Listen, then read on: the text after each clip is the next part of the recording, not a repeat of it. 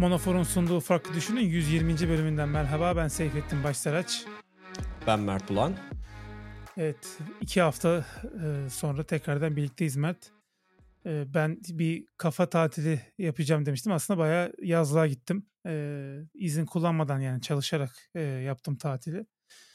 Fakat tabii ki yine yazlık yerde olmak, deniz kenarında olmak vesaire bunlar güzel şeyler. E, Altınoluk'taydım tam olarak neresi olduğunu merak eden varsa. Altınoluk Edremit tarafındaydım. E, bizim orada bir yazlığımız var.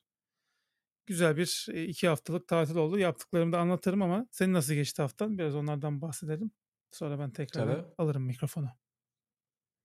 Ee, benim haftam da güzel geçti. Ee, iki hafta. Çoğunlukla aynen iki, iki haftam güzel geçti. Ee, çoğunlukla işte gene kitap okudum. Ee, bol bol birkaç tane e, dizi seyrettim. E, onlardan da bahsedebilirim. İstersen direkt başlayayım ben e, okuduklarımdan. Olur. E, e, daha önce de ilk iki hafta önce bahsettim. Artık şey de diyemiyoruz. Daha bir önceki hafta bahsettiğim değil. İki hafta önce bahsettiğim e, kitaplardan işte bu German Genius kitabından bahsetmiştim. Onu sadece ben böyle giriş introduction kısmını okumuştum.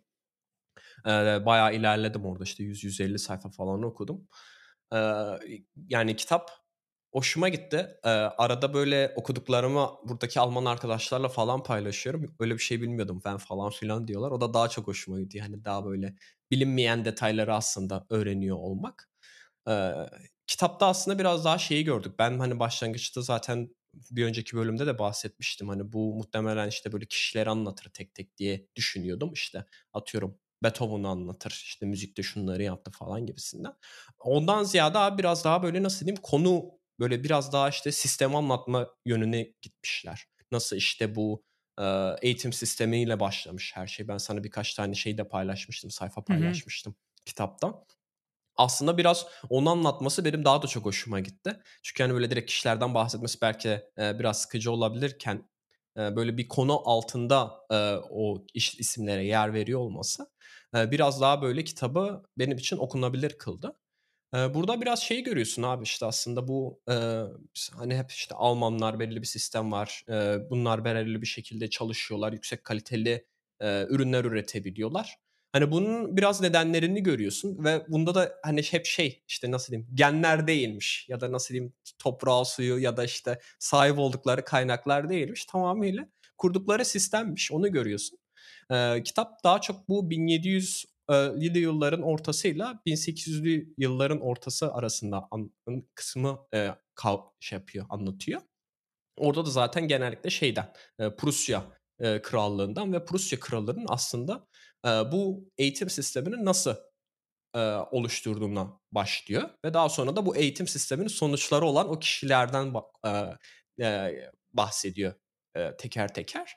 Ee, orada da abi mesela işte şeyi görüyorsun. Ee, kralın amacının aslında şimdi Almanya'da şeydeki gibi bir elit sınıf yok. Nasıl diyeyim İngiltere'de hani bu ne de aristokrat e, ya da işte Fransa'da böyle e, ki benzer bir sınıf olmadığı için Kral abi üniversite kuruyorlar. E, bu Göttingen Üniversitesi kuruyorlar. Daha sonra işte Berlin Üniversitesi vesaire. Bu üniversitelerdeki amaç da abi tamamıyla e, işte educated middle class diyorlar. Yani eğitimli orta sınıf yaratmak. Tek amaç o.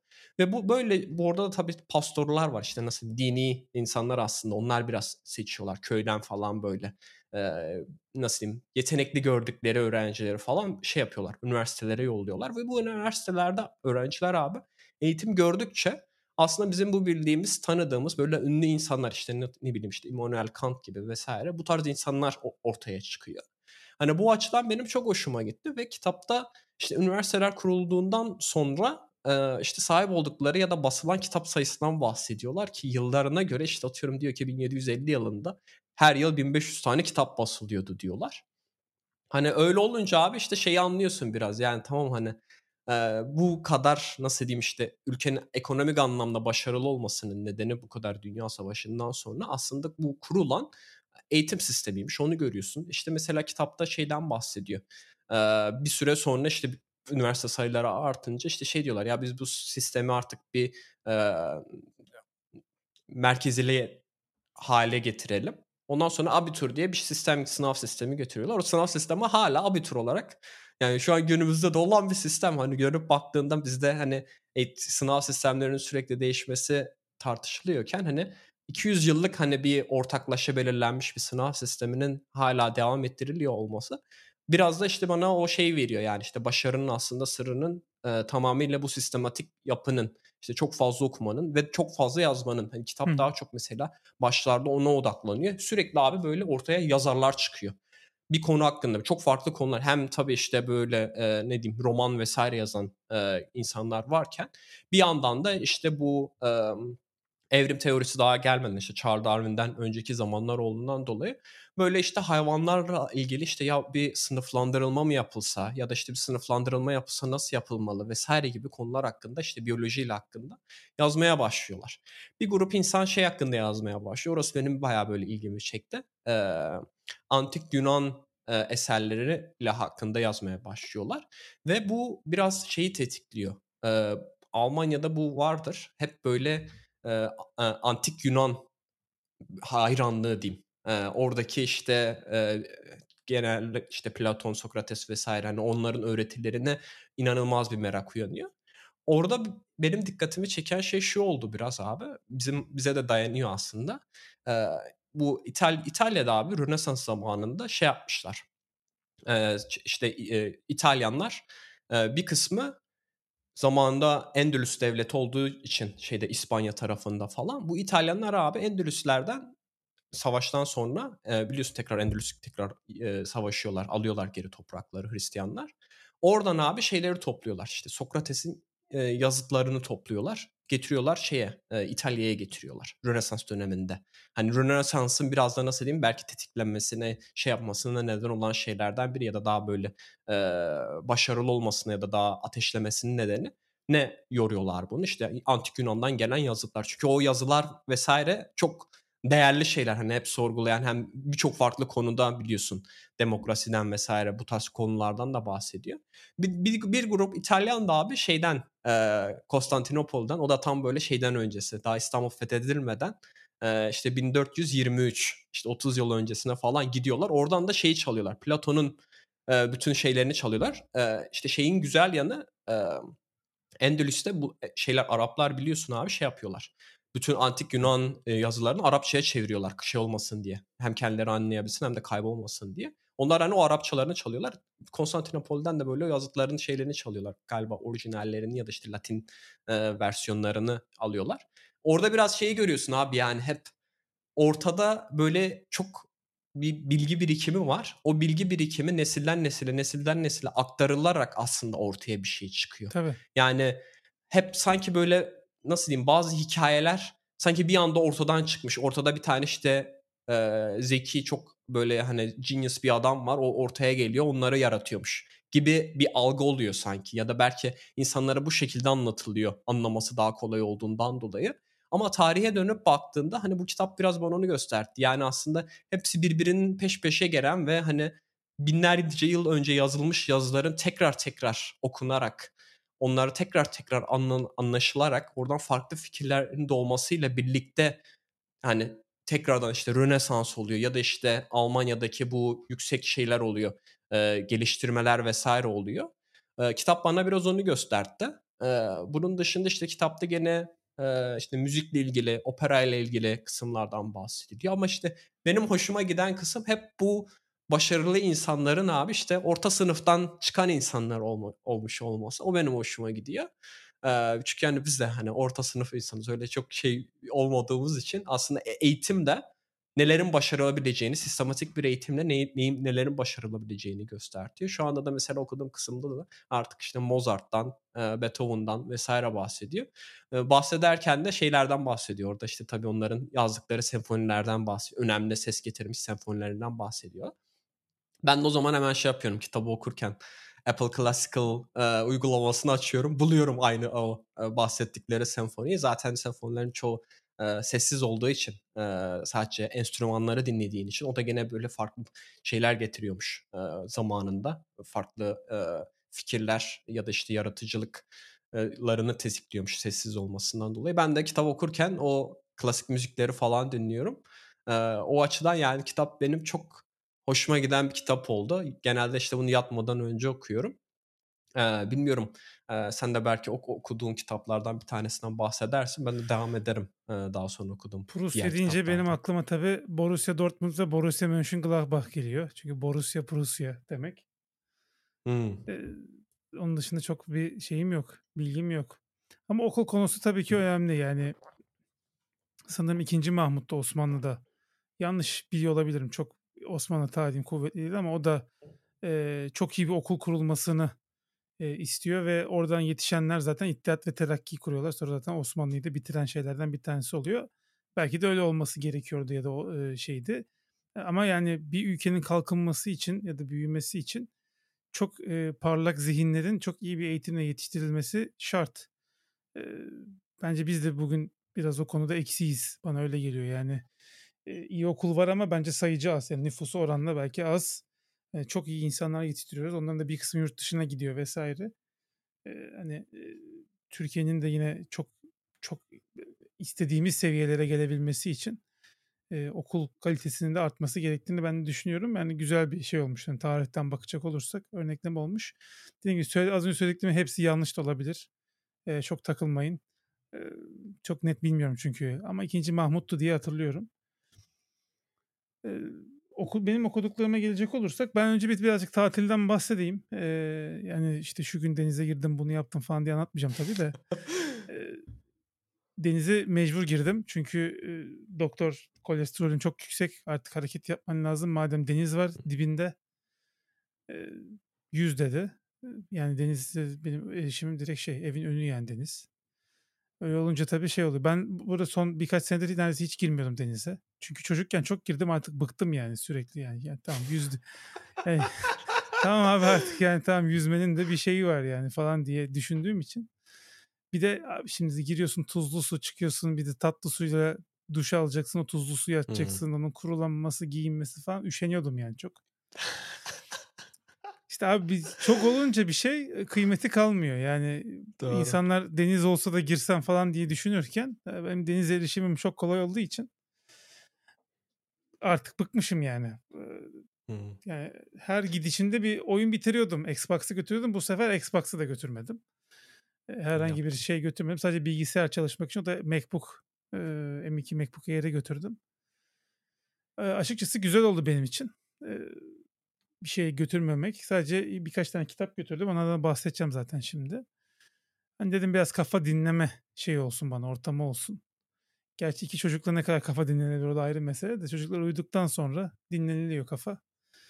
Ee, yıldızlar falan çok net gözüküyor bizim oradan.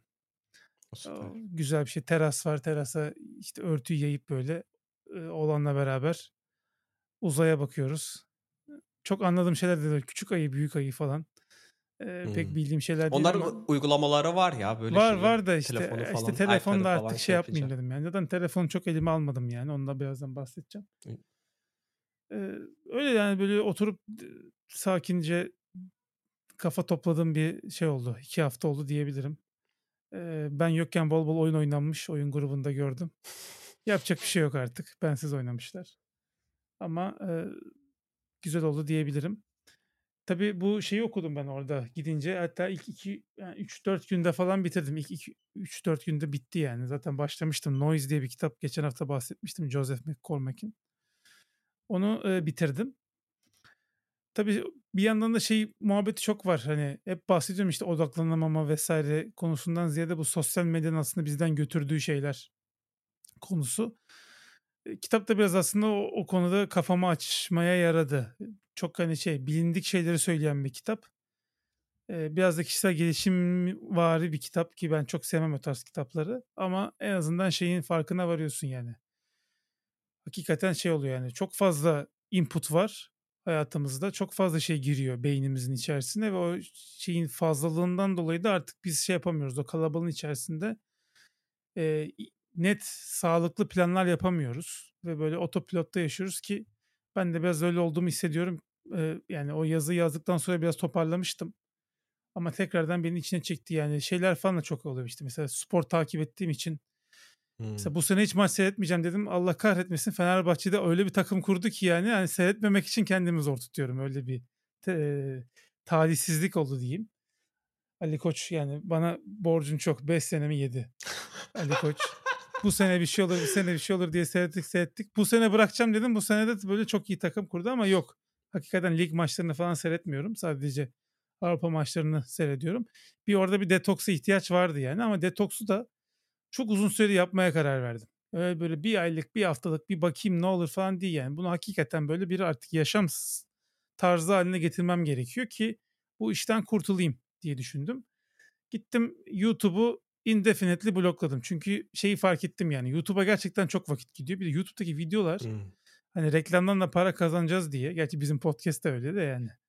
Bir saat, bir buçuk saat ne bileyim bir işte futbol yoruma videosu açıyorsun. Bir buçuk saat adam Fener'in transferlerini konuşuyor. Yani ve her hafta 3 bölüm falan atıyor bu adamlar. Bir de böyle de bir şey var. Çünkü konuşmak çok kolay bir şey olduğu için o adamlar için. Şöyle olmuş. Her haftada bir geliş, gelişme oluyor. iki günde bir. Şu gelecek mi, bu gidecek mi bilmem ne falan filan. Bu tabii bu sadece futbol için söylemiyorum. Bir sürü konu var böyle. İşte bilmem ne konferansında bilmem ne konuşması. Benim öyle watch later listem kabarıktır yani. Dur ona bakayım bilmem ne. Oyun gündemi, özeti. Yarım saat 40 dakika. Güzel. Skill Up diye bir kanal var. Merak edenler varsa tavsiye ederim. hem yakınıp hem de tavsiye etmek. He, aynen yani merak eden varsa adam her hafta bu hafta ne oldu diye bir video yapıyor. Çok kaliteli prodüksiyonla yapıyor. Ee, ve e, her şeyi anlatıyor yani. Bu hafta Game Pass'e ne geliyor, PlayStation Plus'a ne geliyor onları da böyle kısa kısa anlatıyor. Ne çıkacak bu hafta, ne ertelendi, ne oldu falan. Mükemmel bir şey yani hakikaten. Böyle yarım saat 40 dakika hani çok uzun da değil aslında. Sadece onu seyrederek bile hani oyunlarla ilgili gündemi takip edebilirsin. Ee, ama ne yaptım? Sadece pazar günü belli saatlere kısıtladım. Freedom diye bir uygulama kullanıyorum. Ondan daha önce zaten yazıda da bahsetmiştim. Üyelikte aldım Freedom'dan. Çünkü bir noktadan sonra artık bloklamıyor sanırım. Ee, ve normalde ben Freedom'ı ara ara siliyordum. Silmemin sebebi de bu bir VPN kullanıyor arkada. Lokal bir VPN hmm. kullanıyor. Ee, yani şeyde bir server'a gitmiyor da veriler lokalde bir lokal host'a VPN açabiliyor musun iOS'te ve Mac'te. Öyle bir VPN kuruyor onun üzerinden geçiriyor. Ee, işte ya da bir proxy üzerinden yapıyor. İşte non-proxy mod falan gibi modları var. Ee, öyle bir yöntemi de var. Ama neticede bir arkada VPN kullanıyor. Öyle trafiği blokluyor. Fakat şimdi tabii bir de şey gelmiş üstüne. Screen Time'a API açtı yapıldı iki sene önce. Geçen sene de bayağı bir şey eklediler ona. Artık şey yapabiliyorsun Screen Time'la app'leri bloke yani Screen Time API'ne bağlanıp app'leri bloke edebilme özelliği getirmişler uygulamalara. Freedom da bunu yapıyor. Diyorsun ki şu şu şu app'leri de bloke et diyorsun. Senin telefonundaki yüklü bütün app'lerin bir listesini getiriyor. Hakikaten o saatler içerisinde hem network'ten Twitter'ı, YouTube'u bilmem neyi bloke ediyor. Hem de o native uygulamaları bloke ediyor. Basınca şey diyor açamazsın bunu diyor. E, hatta şey gerek bile kalmıyor o zaman hakikaten network'ü bloklama. Yani Safari'den tabii girersin vesaire. Ama e, o açılardan da bayağı bir gelişmiş o bloklama tarafı. E, Freedom'ı da tavsiye edelim. Bazen internetin böyle şey yapıyor. Bir de bazı web siteleri mesela şey koyuyorlar. İşte e, Facebook Pixel, Mixel falan koyuyor. Header'a koyuyor hmm. script'i. O yüklenmeden sayfa açılmıyor falan gibi saçmalıklar oluyor. O yüzden işte Facebook'u bazen mesela zaten Facebook'un bloğu olsa ne olur olmasa ne olur yani girdiğim bir site değil ama hani bunlara dikkat etmek benim çok hani iki haftada çok hakikaten e, nasıl diyeyim tazelendiğimi hissettim. E, burada Twitter'la e, Instagram'ı Instagram'dan çok nadir girdiğim bir yerde. Twitter'la Instagram'ı da böyle şey 23 saat falan günde blokladım yani sadece akşam 10.30 11.30 falan arası gibisinden bir e, bloke koydum. O da beni böyle hakikaten e, mental olarak rahatlattı. Daha çok hakikaten insanın beynini uyuşturan bir şey. Onu hissediyorsun. Özellikle bıraktıktan sonra hissediyorsun. Daha anda kalabiliyorsun yani. Kesinlikle. Ee, bu da tabii e, ya. bu arada boşlukta tabii ne yapacaksın? Bir şeylere saracaksın yani. Ee, sarmazsa olmaz. Yerine bir şey koyman lazım zaten. Hani iş güç zaten yoğun e, yoğun geçiyor. Orada da bayağı ciddi bir dönüşüm içerisindeyiz. Product tarafında e, bayağı bir iş var e, şirkette. E, onlarla zaten uğraşıyorsun. Ama onun dışında işte kitap falan okuyorsun. E, ben şeyi fark ettim abi zaten senin Goodreads hesabında sen işte o hani tatile çıktım dediğin zaman bir baktım kitaplar hızlı hızlı ilerlemeye başladı yani. Aa dedim şeyin etkisini görüyor yani Seyfettin direkt dedim. Bir de senin bu bahsettiğin yazı ben gene şeye koyarım. Linkini gene koyarım. Çünkü ben geçenlerde bizim bir ortak bir tanıdığımızla konuşuyordum. Ee, o da dedi yani e, ben Seyfettin'in o yazısı beni çok etkiledi dedi. Ondan sonra bayağı tüketimini azalttım dedi. O da biraz hala şey yapıyor. E, acı çekiyor hala Twitter'ı bırakamamaktan. Çünkü hem işte ya bir yerlerden haber alıyorsun Hı hı. falan. Önceden belki bilmiyorum.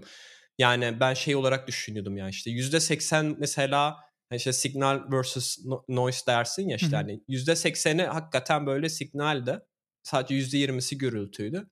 Şimdi bayağı böyle %1'i falan signal oldu. %99'u gürültü oldu. Yani o yüzden hakikaten ve şey oluyor bazen işte bir tane thread mesela sadece bir mesaj bakıyorsun bayağı tartışma yaratmış. İşte 300-400 bin görüntülenmesi hop onun şeyine bakıyorsun, yorumlarına bakıyorsun, cevaplarına bakıyorsun. Bir bakıyorsun yarım saat gitmiş. Abi ben yarım saatte işte 30 sayfa kitap okursun yani en Tabii. kötü değil mi? Yani hani ben artık öyle şey yapmaya başladım. Benim Twitter'ı kapatma nedenim de bu. Çünkü hakikaten yani öyle bir illet ki bırakamıyorsun yani hani. Yani sürekli elin gidiyor. Safari'den açıyorsun. Uygulama olmayınca da Safari'den açıyorsun. Abi bir şey o merak yani ve dedik, dedikodu şeyi var ya ihtiyacı insanların. O hakikaten berbat bir huy yani. Yani bu bizim DNA'mızda olan bir şey tabii ki haber alma ihtiyacı. Tabii. Ama fear of missing out'u mesela ben hiç yaşamadım. Neden? Çünkü akşam mesela açık olan saatlerde giriyorum. Bakıyorum ne olmuş mesela o gün.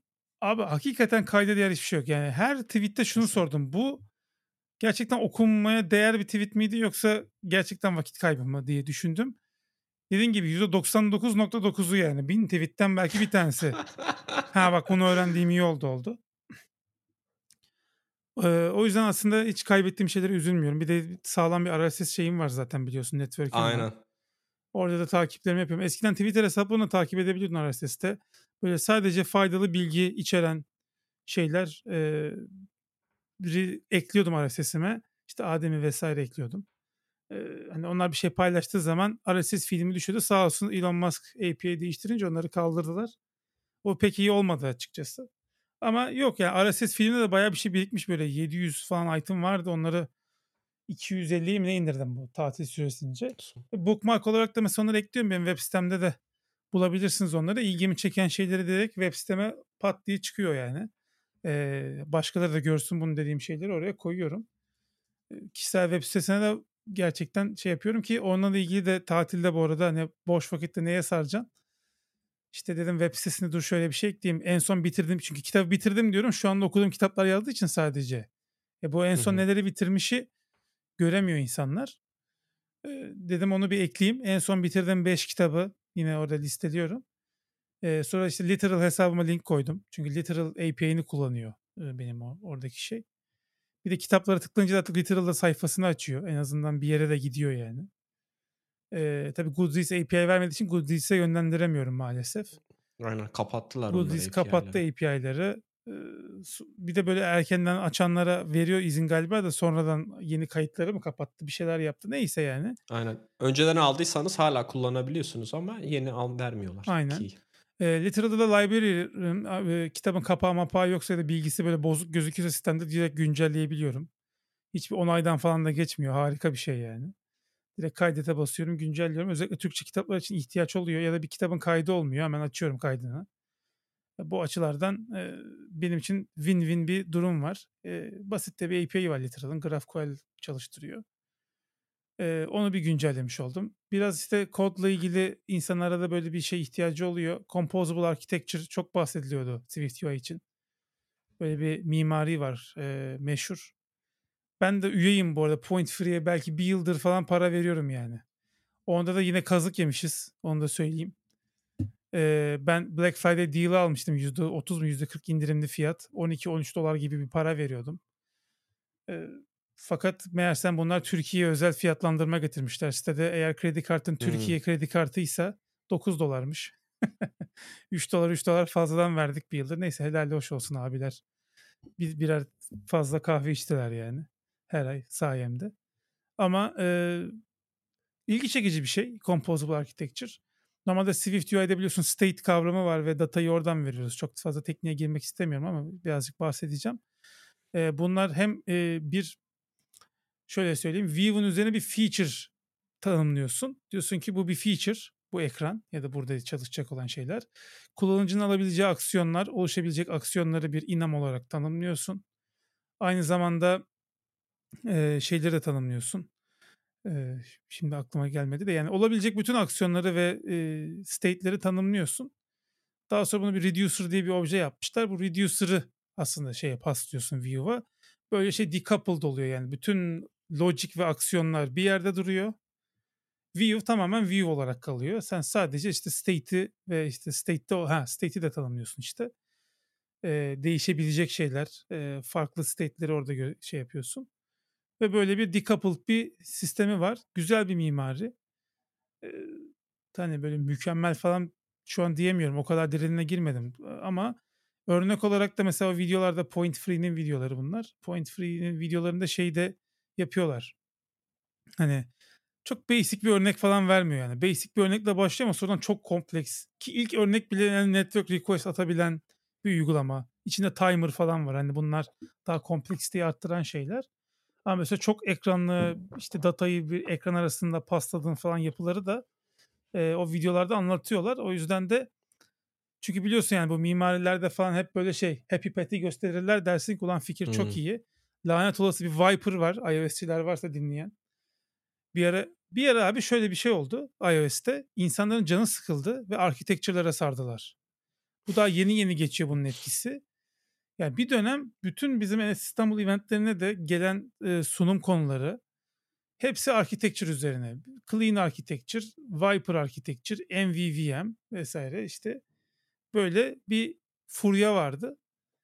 O da şimdi yavaş yavaş galiba oturuyor iOS'te. Çok da yakın olmadığım için şey yapamıyorum ama e, nedense bir mimari şeyi vardı. Obsesyonu vardı. Ya, Viper da şey yani çok kompleks bir mi- mimari ve e, yani birçok app'te de işine yaramayacak. Yani basit app'lerde özellikle hiç işine yaramayacak bir şey vesaire ama millet böyle mimari öğreniyordu sürekli. Ya başka şeyler öğren yani SDK'nın derinliklerine gir. Bilmem ne orada yeni animasyon teknikleri falan öğren. Ki ben Apple'ın MVC'sinin de kötü olduğunu düşünmüyorum. Onu da böyle şeytan ilan ettiler. Neden bilmiyorum. Ben de onu soracaktım. Yani Apple'ın hani tavsiye ettiği bir mimari yok mu da hani insanlar Ya Apple'ın tavsiye giriyor? ettiği mimari var da şimdi şöyle bir şey var. E, Sonuçta bu neticede bunu kullanan yine insan olduğu için ve sen sert kalıplar uygulamadığın zaman Apple'ın yaptığı gibi e, kalıbı e, insanlar şey yapamıyorlar. Özellikle böyle nasıl diyeyim yazılım mühendisliği altyapısı da yoksa developerlar şöyle bir şey yapıyorlar. Şimdi controller'la view çok yakın ya arayüzde controller view controller diye bir şey var sonuçta Apple'ın sisteminde. E, e, controller view'a bağlı her şeyi de yapabilecek kapasitede. O zaman ne yapıyorlardı? Bütün network request'i de controller atıyor. Oradaki işte user input'ları alıyor. Delegate de o, işte data source da o, table view'u da o manage ediyor falan Hmm. deyince bu 3000 satırlık view controller'lar oluyordu. Niye? Çünkü Hmm. yapabiliyorsun. Ve sana çok kolay oluyor o Hmm. zaman. Direkt çünkü hemen pat diye altta bir metot ya giriyorsun. E, çalışıyor mu? Çalışıyor. E, tamam ama bunun işte decoupling'ini yapmak lazım. Yani responsibility'leri, sorumlulukları bölmen lazım. Tabii. Apple da aslında şey yapmıyordu yani. yani bunun böyle yapın, şöyle class yapın demiyordu. Hani benim sistemim bu şekilde kurguladım diye söylüyordu. Özellikle Mac Development'ta o decoupling'i çok iyi yaptırıyordu. Apple'ın guide'ları da yaptırıyordu. Ama iOS'i yazan arkadaşlar herhalde daha da e, dokümantasyonda serbest bırakmışlar o işi. Normalde o data source'ların falan ayrı delegate olması, onların ayrı obje olması gerektiğinden dolayı aslında. Ya bunlar aslında sadece hani e, Swift ya da işte iOS uygulaması geliştirmede e, olan kavramlar değil. Sen hani anlatınca şeyi ben de hemen dedim ha dedim Rails'te de o bize de Model View Controller var. Şey çok basit yani controller tanımlıyorsun. Onun içerisinde bütün yapmak istediğin şeyleri yazabilirsin ama o mesela bizde nasıl diyeyim şeydir. Red flag'dır yani ne olursa olsun hani atıyorum controller 2-3 satırı geçmemesi gerekiyor derler ki e, sen hiçbir şekilde oraya bir logic ekleme diye. Atıyorum git bir tane service yarat. Onu decouple et. Daha sonra service'in içerisinde de tekrardan bir daha decouple edebilirsin başka servisler varsa da. Yani olması gereken şekilde o ki daha şey olsun diye. Hem okunulabilirlik hem de değiştirilebilir daha sonra. Çünkü sen bir şeyi değiştirmek istediğin sadece o servisi değiştirmen yeterli aslında. Tekrardan bütün her şeyi değiştirmenle uğraşmıyorsun. Ee, sen tanımlayınca hani ben de direkt onu dedim. Abi bizde de böyle bir şey oluyor zaten Ya dünyasında. MVC zaten klasik yani onun handikaplarından bir tanesi ama dediğim gibi yani bu bölünmeyi yapabilirsin ki zaten neticede aslında o Viper falan gibi şeyler de e, yani sorumlulukların bölünmesiyle sorumlulukları sadece işte V, I, P, E, R baş harfleri olacak şekilde e, bölmüşler. İşte View Interactive Hmm. Presenter Entity Routing galiba. İşte Viper'ın açılımı o. Hmm. E, akılda kalsın diye de öyle dizmişler. Bu bahsettiğin konuyla ilgili Sandy Metz'in çok iyi bir kitabı var. Object Oriented Patterns in Ruby mi öyle bir şey. Ruby diye anlatıyor ama e, her dile uyarlanabilir bir şey. Object Oriented her dile çok rahatlıkla uyarlanabilecek bir kitap. E, iki yılda yazmış kitabı. Aynı zamanda da e, bu işte bir Go'yu yazan Andrew çocuğun soyadını Wilson diye isim geliyor da değil galiba. E, o Andrew'u getirmiştik. Biz mesela onun falan mentoruydu Sandy Metz. E, Google'daki bu büyük e, baba yazı staff engineer'ların falan mentoru bir kadın. iki yılda yazmış kitabı. Kısacık da bir kitap yani ama şeyi çok güzel anlatıyor yani. Yani her paragrafı altın değerinde bir kitap diyebilirim. Ee, ama tabii hemen çat diye satın almayın. Bak benim söylediğim şeyler insanlar satın alıyormuş da sonradan kötü hissediyorum ben. Memnun kalmazlarsa diye. Bulun bir pdf'ini, pdf'ini bir bakın beğenirseniz alın yani. Ee, öyle bir şey oluştu çünkü. Şimdi ben bu aralar Starfield'ı hype'lıyorum. Millet Xbox falan alıyor. Sonradan Starfield'da kötü çıkarsa valla millet dövecek beni. Yani. Ben seni bulurum. Aynen. Seyfettin. Starfield'ı hype'ladım. Sen tavsiye ettin. Aynen. Ee, neyse neticede Composable Architecture güzel ama Composable Architecture sadece şey tarafında değil. Ee, Swift UI'de bir mimari olarak değil. Aynı zamanda testing tarafında da acayip tool'lar sunuyor. Ee, çünkü orada tanımadığın şeylerin hepsi value type. Ve value type olduğu için de diff yapabiliyorlar. Diff yapabildiği için de e, testlerde mesela assertion'ları otomatik yapıyor. Mesela diyorsun ki şunu şu aksiyonu gönder aksiyonun sonucunda state'te şu değişecek diyorsun mesela. Sen assert'i yazmıyorsun sadece değişikliği yapıyorsun. Değişikliğin sonucunda e, ki şeye otomatik kendisi bakıyor. Kıyas yapıyor. Orada Swift'in arka taraftaki o e, ekstra şeylerini de kullanıyor. Özelliklerini de kullanıyor. Fakat e, çok çok hani şey olmuş. Testability'si çok yüksek ve kendi testing şeylerini de tool'larını da sunan bir framework. Zaten 1.0'a daha yeni geçti. 1.0 sürümünü de çıkarttı. Şu an gayet stable ve herkes tarafından kullanılabilir halde. O yüzden de e, ilgimi çekti. Ben de böyle arada yani iOS kodundan uzak kalmamak için e, böyle şeylere bakıyorum yani. Kendim bir şey yazmasam da yapıyorum. E, Composable Architecture'da oradan bahsetmek istedim.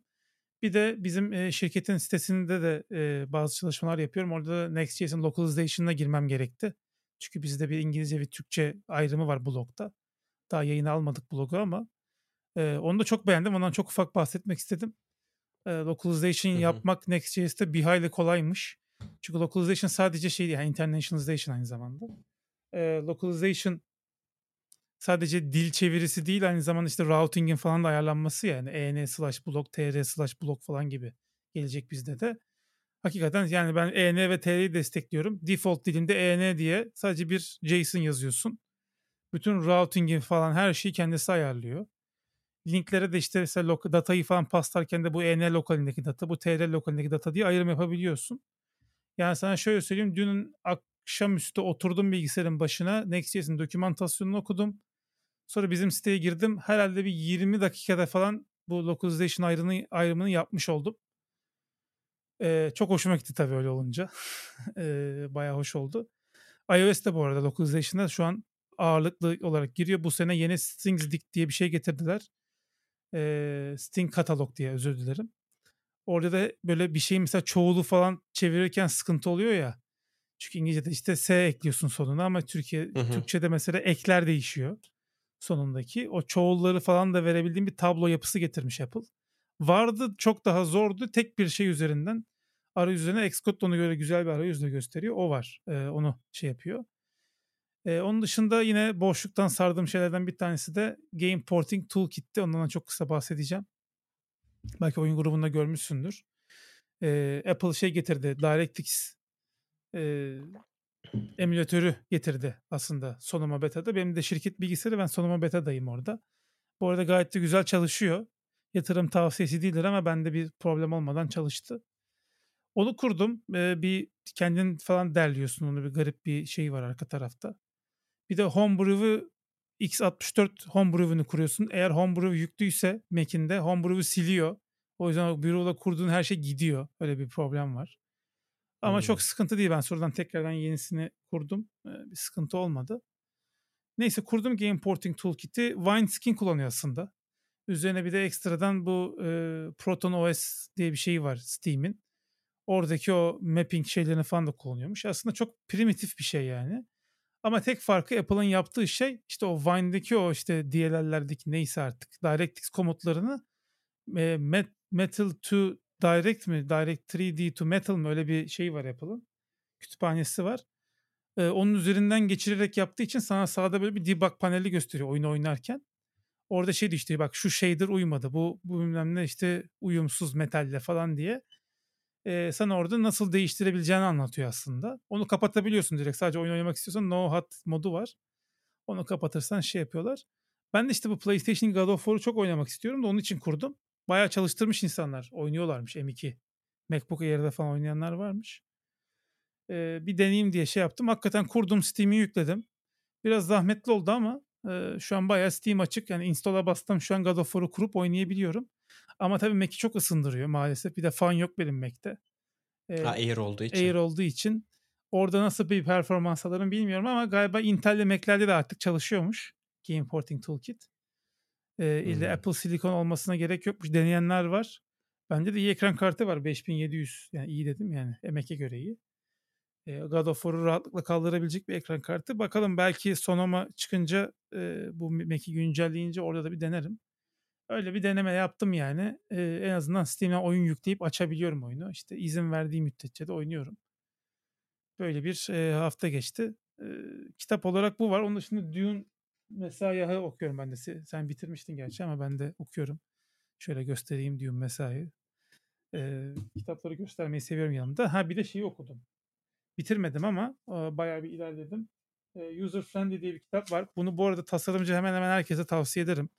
Yani bu e, User Experience Design kavramının tarihini aslında anlatıyor. Bu olaylar nasıl başladı, Eskiden böyle şeyler hiç dikkat edilmezdi. User experience diye bir şey yoktu. Tamamen içgüdüyle hareket ediyordu insanlar. Onlardan falan bahsederek başlıyor. Daha sonra işte bu nükleer reaktör faciasının yani facianın eşinden dönülüyor. Three Mile Island diye bir nükleer reaktör var Amerika'da. Ee, bu panellerdeki user experience buton şekilleri falan hepsi birbirinin benzeri olduğu için az kalsın reaktörü patlatıyorlar yani ucundan dönülüyor. Son anda birisi fark ediyor da başka bir operasyon yapıyor, çözüyor. Sonra işte o user experience kavramı Donald Norman oradan zaten şey yapmış. O e, şeyi e, faciayı araştırmaya giden ekipten birisi Donald Norman. Sonra işte diyor ki ya bu, bu işten ekmek yeriz biz bak burada yanlış tasarlanmış bir panel var. Bunu aslında e, birçok yerde de hayatta karşılaşıyoruz bu mevzuyla. Ben bunu bir kavramlaştırayım diye işte kullanıcı deneyimi kavramını da ortaya atan kişi zaten kendisi. Oradan sonra yürüdü zaten zengin oldu. Neyse. Ee, onun hikayesi var. İşte İkinci Dünya Savaşı'ndaki uçaklar o FIT de var. FIT kanunu diye e, User Experience'te bir kanun var zaten. E, ondan bahsediyor. Şu anda şeyi okuyorum. E, kendi kendine kullanan arabalarda neye dikkat ediyorlar bu arabalar tasarlarken? İşte oradaki o feedback döngüsü, arabanın mesela kontrolde olduğunu belirtmesi gerekiyor içeride binen kişilere. O yüzden mesela cama böyle Audi'nin şeyin örneği üzerine anlatıyor. Audi A7'yi otonom yapmışlar bundan birkaç sene önce. İşte ışık yeşile dönüyormuş arabanın içindeki ışık. Artık kontrol bende demek yani o. Basit bir UI'de bir şey göstermek yerine bayağı ortamı değiştiriyor. Ee, sen direksiyon tuttuğun zaman mesela ışığın rengi değişiyor falan. Hmm. Ee, onlardan bahsediyor. Mesela şey yapıyor işte sola dönmeden önce ben sola döneceğim diye uyarıyormuş seni. Ve mesela arayüzde nerede araba var onları gösteriyor. Bak bu arabaların hepsini ben görüyorum yani. Görmediğim bir araba yok şu an e, otoyolda. Hani sana sürekli o şeyi güveni vermek zorunda. Çünkü o güveni bir kere kaybetti mi bir kazaya falan karıştı mı senin otonom araba tecrüben sıfırlanıyor. Yani güvenmiyorsun ve bir daha da kullanmak istemiyorsun. E, bu yüzden de işte neler yapıyorlar falan. Hani oradaki o feedback döngüsünü anlatıyor. Sonra işte Apple ile ilgili falan da bayağı bir e, örnek var ilerleyen chapter'larda. Böyle içinde güzel çizimler de var. İlk Macintosh'un falan çizimleri var. Hmm. Neyse e, böyle bir kitap. Onu o yüzden tasarımcılara tavsiye ediyorum. Çünkü bunun bir de altını da doldurmak lazım. Yani teori tarafında güzel bilgiler veriyor. E, ve bence buradaki hikayeleri de yine günlük tasarım şeylerine çok rahat uyarlayabilirsin ki benim bir yazı fikrim vardı. Hala draftta duruyor yani. Mobil uygulama geliştirmenin %95'i error handling'dir diye. Eee, hakikaten de öyle yani. Kullanıcıya feedback vermek ve error handling en önemli şey ve, eee, mobil uygulamalarda en çok göz ardı edilen şeylerden de, eee, başında geliyor. Bir hata oluyor. Hatanın ne olduğunu yani kriptik bir hata mesela basıyor vs. Yani hatayı düzgün bir şekilde alan da çok küçük olduğu için hani o problem olduğunda onun çok iyi bir şekilde kullanıcıya aktarılması. Bazen mesela basıyorsun hiçbir tepki vermiyor buton. Arkada aslında yüklüyor. Sonra pat diye mesela arayüz değişiyor falan. Ben özellikle yerli uygulamalarda çok görüyorum bunu. Yani onlara uyarlanabilecek de bilgiler vardı. Kitap olarak da bu üçünü söyleyebilirim. Eee, onun dışında da bir de film var beraber seyrettiğimiz aslında. Benim seyredip sonra sana seyret diye zorladığım. Eee, istersen ona geçebiliriz. Sen başla istersen. Ya filmden önce ben okuduğum diğer kitaptan da Ha, var mı bahsedeyim başka bilmiyorum. aslında. Aynen bir tane daha var. Sen bunu okumuştun diye hatırlıyorum. hardcover'ı var onun. Eee, Evet okudum. okumuştun diye. Eee, bu Andrew Chen şimdi şeyde bir ara Uber'de çalışmış. Daha sonra da eee, A- Andreessen Horowitz eee, VC şirketinde şu anda çalışan bir abimiz. Eee, Cold Start Problem dediği aslında bu yeni bir ürün geliştirdiğinde ilk kullanıcıların nasıl getireceksin konusuna biraz odaklanan ama genelinde eee, bu network effect dediğimiz aslında eee, konuyu daha böyle detaylı olarak açıklayan bir kitap. Çok Eee, şeyi ben de böyle gelmişti bana. ya üçte birini falan ben okudum. Yani ben bütün örneklerinde hep bir Uber'e değinmesi var. İçerisinde işte eee, Slack'ten bahsediyor, eee, Clubhouse'dan bahsediyor, eee, işte Reddit'ten bahsediyor. Bunların örneklerini veriyor sürekli aslında network efektleri nasıl kullandığını. Uber'den de bahsediyor senin Çok Uber'e uyarlanabilir Ama bir fikir çünkü. Aynen ama yani ben nasıl diyeyim ben sanki şeyi çok güzel ta- e, o tanımını problemin tanımını çok güzel yapmış. Network effect e, işte nasıl e, uygulamana insan çekersin o kısmı e, bu network'ün işte iki kısmı var aslında biri işte şey diyordu hard side, biri soft side. İşte hard side örneğinde mesela Instagram'ını vermek istersek Instagram'da senin çekmen gereken kişiler e, influencerlar, ünlüler, sanatçılar vesaire bu tarz kişileri getireceksin ki e, bu sayede onları takip eden bir sürü kişi gelsin. Ama işte hani buna hard side demesinin nedeni de bu, bu tarz insanları bu uygulamaları kullanmaya ikna etmek çok zor. Evet. Ee, ya da işte Wikipedia örneğini veriyor. Wikipedia'ya işte milyarlarca insan kullanıyor belki ama günün sonunda en aktif kullanıcılarına bakınca 4000 kişi aslında. Öyle bir tane adam var mesela. Şu ana kadarki Wikipedia sayfalarının ne bileyim işte %80'ine katkı sağlamış. Hı. Hani o tarz insanlar işte mesela network'ün hard kısmı olmuş oluyor. Yani o tarz birkaç kişiyi bulunca eğer Wikipedia gibi bir ürünün varsa çok rahat bir şekilde çekebiliyorsun. Ya da işte Slack örneğini veriyor. Orada da işte araştırma yapmışlar. En az 3 kişi olması gerekiyor ki eee, işte senin ekibinde ya da işte şirkette 3 kişi böyle nasıl diyeyim tasarım ekibi kullanmaya başladığı zaman daha sonra yayılıyor. Hani fikirler hep bu şekilde ama nasıl diyeyim şey olarak dediğim gibi problem tanımı olarak çok güzel tanım yapıyor ama örnekleri nasıl diyeyim beni ikna etmedi. Yani işte mesela senin dediğin gibi Uber örneğinde network efekte işte driver'lar aslında hard side oluyor. Bir sürü driver çekmen gerekiyor. İşte driver olunca da sen işte soft side'ı çekebiliyorsun. Onu kullanabilecek kişileri yapabiliyorsun. Ama yani bunun için de deli gibi para harcaman gerekiyor. Aynen. Yani hani Ya şöyle önce bir çok network efekti bir anlatalım. Onu anlatmadık. Yani network efektten kastımız şu. Senin startup'ın bir arabaysa o kontağı çevirip de o marşa basıyorsun ya araba böyle bir devirde Hı. özellikle otomatik arabalar kendi kendine gidiyorlar. O e, rölantide gidebilmek için gereken minimum network şeyi. Yani sen onu sağladıktan sonra zaten büyüme ona göre artıyor. Yani Uber'de mesela şöyle bir örnek vermişti. Hani bizim e, e, aynı anda aktif kaç şoförümüz ve kaç binenimiz olması gerekiyor gibi bir araştırma yapıyorlar. Diyor ki yani işte şoförle sürücü oranı bu şekilde. E, mesela şoför sayısı azaldığı zaman bu sefer şoförlere insentif verecek şeyler bildirimler atmaya başlıyorlar şoförlere, şoför uygulamasına. Diyorlar ki işte bugün hı. şey yaparsan sana ekstradan şu kadar komisyon vereceğiz. Bir anda şoför Ya sayısını şuraya arttırıyoruz. git. Çünkü şoför azalır da binen sayısı fazla olursa bu sefer insanlar iptal edildiği için şeyler e, ya da şey bulamadığı için Uber'i kullanmamaya başlayacaklar. E, şoför fazla olur da insan az olursa bu sefer şoförler ben niye araba kullanıyorum'a gelecek. Onun dengesini kurmaya çalışıyorlar. İşte bunun için bir dashboard kurmuşlar. CEO sürekli bakıyormuş da bilmem ne. E, Hmm. bana diyormuş Tokyo'ya getir diyormuş. İşte Tokyo geliyormuş falan. İstanbul'u getir diyormuş. İstanbul'u getiriyormuş falan. Böyle bir işte şey yapmışlar yüzden. Biraz tabii Uber reklamı çok fazla var kitapta. Slack'te de şey vardı işte dediğin gibi 3 kişi olması gerekiyor ve e, 80 mesaj mıydı? 80 mesajdan sonra mı? 800 mesajdan sonra mı? 120 miydi? Neyse. Yani 800 müydü? Neyse işte yani o mesaj sayısını olmuş. geçtikten sonra artık yine Slack'i net kullanmaya başlıyor yani bırakmıyor. E, churn olmuyor, retention artıyor. O yüzden de ne yapıyorlar? App'in feature'larında bak arkadaşını davet et, en az 3 kişi olun.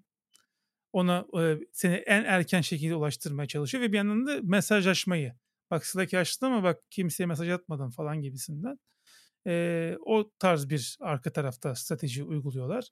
E, net, growth hacking mi diyorlar işte growth hacking stratejisi belirliyorlar.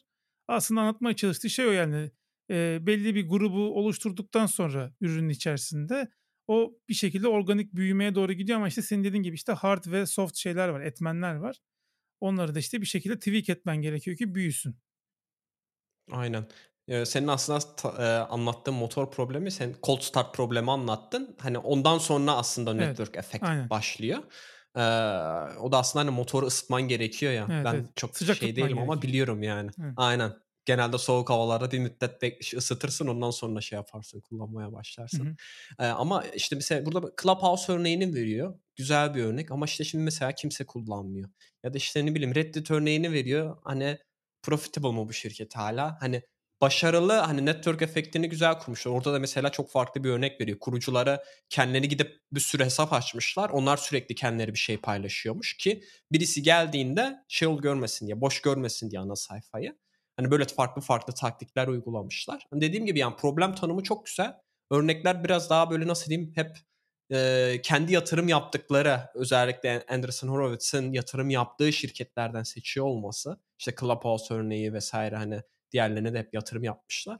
Biraz nasıl diyeyim böyle şeymiş gibi e, bir bias varmış gibi survivorship bias varmış Ya bir gibi de geldi sosyal bana. tarafı kuvvetli uygulamalar için geçerli sadece söylediği şey. Yani e, yani Slack'te işte Reddit'te hep bunlar community uygulamaları. Tabii. Ya Uber de bir nevi community diyebiliriz yani şoförler ve sürücüler var ve sürekli kullanılan bir uygulama. İşte iki kişiyi birbirine bağlıyorsan hani mesela işte Reddit'te de bir sürü kişiyi bir araya bağlıyorsun. Ee, işte Clubhouse'da da aslında gene bir sürü kişiyi bir araya bağlıyorsun falan. Ee, Wikipedia'da da bile mesela hani şey olarak sosyal bir uygulama olmasa bile hani onun tanımından yola çıkarak söylüyorum. Orada da işte yazarlarla, içerik üretenlerle onları okuyanları bağlamış oluyorsun. Evet. Hani bahsettiği o network sadece şey değil yani social network olarak da Değil. değil de hani bir, bir alıcı var bir satıcı gibisinden yani bir içerik üreten bir tüketen Aynen. aslında e, kişi varmış gibi anlaşılması gerekiyor. Ama e, okuması kolay bir kitap. E, o açıdan güzel şeylere bölmüşler, e, section'lara bölmüşler. E, sevdim o açıdan ama yani şey değil yani Aa, okuyunca vay anasını Ben de çok bir etkilenmemiştim. sürü şey yapacağım falan gibisinden çok etkileyici bir kitap değil ama dediğin gibi o biraz irite ediyor yani sürekli Uber örnek vermesi e, ve bütün Uber'deki sorunların aslında üzerine para atılarak çözülüyor olması. Evet. Hani orada ne bileyim işte driver sorunu mu var? Hop gidiyor şey diyor ya başka arkadaşın dri- şey yap e, davet et 300 dolar sana vereyim 300 dolar da o alsın gibisinden tamam. Yani ama bunu herkes uygulayamaz günün sonunda. İlk defa kar Biraz daha böyle- geçen ay. Geçen çeyrek Uber. Onu da neden kar etmişler biliyor musun? Uber Eats'den dolayı kar etmişler. Uber'in kendi kısmı kar etmemiş aslında ama bu yemek servisi, delivery, eve sipariş şeyi de var Uber'in. O taraftan aslında parayı kazanmışlar ki o da aslında bilinen bir şeydi diye düşünüyorum ben. Yani Yemek Sepeti Türkiye örneğinde çok uzun süre boyunca karlı bir şirketti. Zaten satın alma nedenlerinden biri de oydu diye biliyorum. Yani hani o çok bir şey değiştirmedi açıkçası. Abi Uber kar ediyormuş. Evet ama hani bilinen bir yöntemi kullanarak. Çünkü Yok orada kaç sen sene sonra şeyi... ilk defa kar ediyor. Bir de yani Aynen. yani yapılan yatırıma oranla elde, elde ettiği kar çok düşük bir kardı. Aynen milyon 3- 300 milyon falan gibi bir, bir rakam. Ama işte yani oradaki aslında sıkıntı eee, sen yemek sipariş ettiğin için eve yemek de geldiğinden dolayı nasıl lüks bir olay olduğundan dolayı sen şeyi o kadar çok önemsemiyormuşsun. Hani eee, A noktasından B noktasına gitmektense giderken ki önemsediğin fiyat algın senin eve yemek sipariş verirken ki eee, harcama algınla bir olmuyormuş. O yüzden dolayı hani orada daha yüksek charge edebiliyorlarmış Hmm. e, yemek siparişlerini. E, çünkü o tam olarak şeydeki gibi işlemiyor. Yani yemek sepeti örneği aslında business model olarak çok daha başarılı bir business model. Hani yemek sepeti bütün şeyi işi restoranlara delege ediyorken Uber Eats kendi e, teslimatlarını yapıyor. Eee, ve fiyatlar da farklı oluyor. Çünkü ben Yemek Sepeti'nde hatırlıyorum. Yani çok büyük şey değilsen McDonald's vesaire gibi restoranda fiyatın neyse şeyinde de aynı fiyatı vermek zorundaydın diye hatırlıyorum. Bilmiyorum. Belki zamanla değişmiştir ama hani o o Yok, ondan dolayı hani aynı fiyat değil burada. Öyle mi? Ben çünkü şey diye hatırlıyorum ama başlangıçta çıktığında sadece McDonald's vesaire gibi şirketler böyle 1 lira 2 lira falan ekliyorlardı kendi menü Ne 1 fiyatlarına ama 2 geri kalan rest abi çok ben yani bundan 7-8 sene öncesini düşün. Şu ankini düşünme de. yani ben öyle bir şey olduğunu hatırlıyorum. En azından öyle diyeyim yani. Hani bir e, böyle aşırı bir fiyat charge edemiyordun restorana oranla o yemek sepetinden sipariş verirken. Her neyse ama işte yani şey yapmaların nedeni oymuş. E, karlı olmaların nedeni. O yüzden bana biraz şey geliyor. Hani survivorship bias yani. Tek bir örneğin var. Hani diğer örneklerle desteklemeye çalışıyor ama e, nasıl diyeyim çok kuvvetli değil yani. Ben hani ikna olamıyorum. E, taktikler açısından. Hani diyor ya işte şu taktiği yaparsan başarılı olabilirsin falan gibisinden. Onlar beni biraz ikna etmedi. Ve çoğu taktikler ya dediğin gibi ya çevren olması gerekiyor. İşte Clubhouse'da gidiyorlar bütün o işte Silikon Vadisi'ndeki tanınan insanları şey yapıyorlar. Zaten arkadaşları olduğu için gelin diyor kullanın diyorlar. Onları kullanması sayesinde onlar gidip başkalarını davet ediyor falan. Çok ikna edici bir kitap değil Hı hı. e, o açıdan. Ama dediğim gibi şeyi anlamak açısından network efekt nedir, cold start problem nedir? Problem tanımı çok güzel. O problemleri anlamak, onları tanımlamak ve daha sonra senin aslında kendi çözümlerini üretmen gerekiyor. Ee, o açıdan dediğim gibi başarılı bir kitap. Ee, bunun dışında e, aslında bir kitap değil. Belki buradan dediğim gibi senin de bahsettiğin izlediğimiz şeylere geçebiliriz ama bu biraz nasıl diyeyim kitapla bağlantılı. Ee, daha önce biz bahsetmiş bir yıl falan oldu herhalde biz. Ee, sen de bunu almıştın diye hatırlıyorum. Aldım Strange ama çok detaylı diye. okumadım. Ben senin kadar Ee, çok etkilenmedim öyle söyleyeyim. komik. Ya ben şu açıdan etkilendim. Ee, çok basit kelimeler kullanarak günümüzde hani e, kullandığımız şeyleri bizim normalde işte farklı bir kelime ortaya çıkarttığımız e, şeyleri e, mesela işte e, şarap için e, wild poison diyor. Mild, mild poison diyor mesela. Hani bu tarz şeyler benim çok hoşuma gitti. Yani orada işte farklı bir kelime üretmiyor diye ki aslında bu zehirdir ve biraz daha nasıl diyeyim gerçekliğini aslında ortaya çıkartıyor o e, herhangi bir objenin işte güneş için güneşten ziyade işte hani bir yıldız olarak bahsediyor. hı. Bu tarz şeylerden bahsediyor. E, ben çok böyle keyif almıştım. E, mesela işte güneş yanına star damage diyor. Hani güneş yanığı demekten ziyade hani e, çok komik böyle keyifli geliyor bana. Bunun şeyi çıktı. Televizyon serisi çıktı. Apple TV Plus'ta. E, 25-30 dakikalık falan böyle çok güzel hikayeler var. Orada da hep böyle işte bu farklı kavramları, bu işte Strange Planet'te yaşanılan olayları anlatıyorlar. Ben dediğim gibi keyif aldım. Çok uzun süredir böyle hani çizgi film diyeceğim artık bunlara bilmiyorum. Kartun demek de biraz şey geliyor. Sanki çocuklar için yapılmış bir şeymiş gibi geliyor ama e, çok yani uzun zamandır seyretmiyordum böyle bir Hı şey. hı. Ee, o açıdan benim hoşuma gitti. Zaten dediğim gibi daha önceden almış olmam da, e, okumuş olmam da bunun serisini. Yanlış bilmiyorsam bir kitap birkaç tane falan çıkartmıştı. Bu bayağı hatta şeydi polemik, e, controversial bir abi. E, bu çizgi romanını yazan abimiz de biraz konservatif, e, muhafazakar bir abimiz. E, ama e, Apple'da genelde bu tarz şeyleri çok takmıyorlar ama controversial olup olmamasını. Valla ben size bir Will şey Smith mi? filmini yayınladılar. Yani Bu, şeyi de yayınladılar. Çizgi filmi de. yani iş yapan da Ee, bunlar yani. Bu da ayrı bir şey. Controversial. Abi yani aynen ya kalitesine bakarsın işin aslında. Background'ına bakmazsın. Ee, şeyi de gördük yani biz bahsettik mi hatırlamıyorum yani. Disney'in e, gelirleri acayip düşmeye başladı. Çok kişi onu şey yoruyor işte hani Vogue e, tayfa. bazı karakterler aynen Vogue tayfaya da yoruyorlar. Yani işte e, bu deniz altında yaşayan e, mar, Yani, marmelat diyesim mer- geliyor mermaid ya. ya deniz kızı işte. Mermaid, Küçük ah deniz Mermaid kızı. deniz kızını mesela işte onu mesela olan bilinen e, şeyinden farklı bir E karaktere işte şimdi Pamuk işte Prenses siyahi geliyor. yapmaları. Pamuk Prenses. Pamuk. Pamuk. Çikolata Prenses değil. Pamuk Prenses. Sen çikolata prenses yap.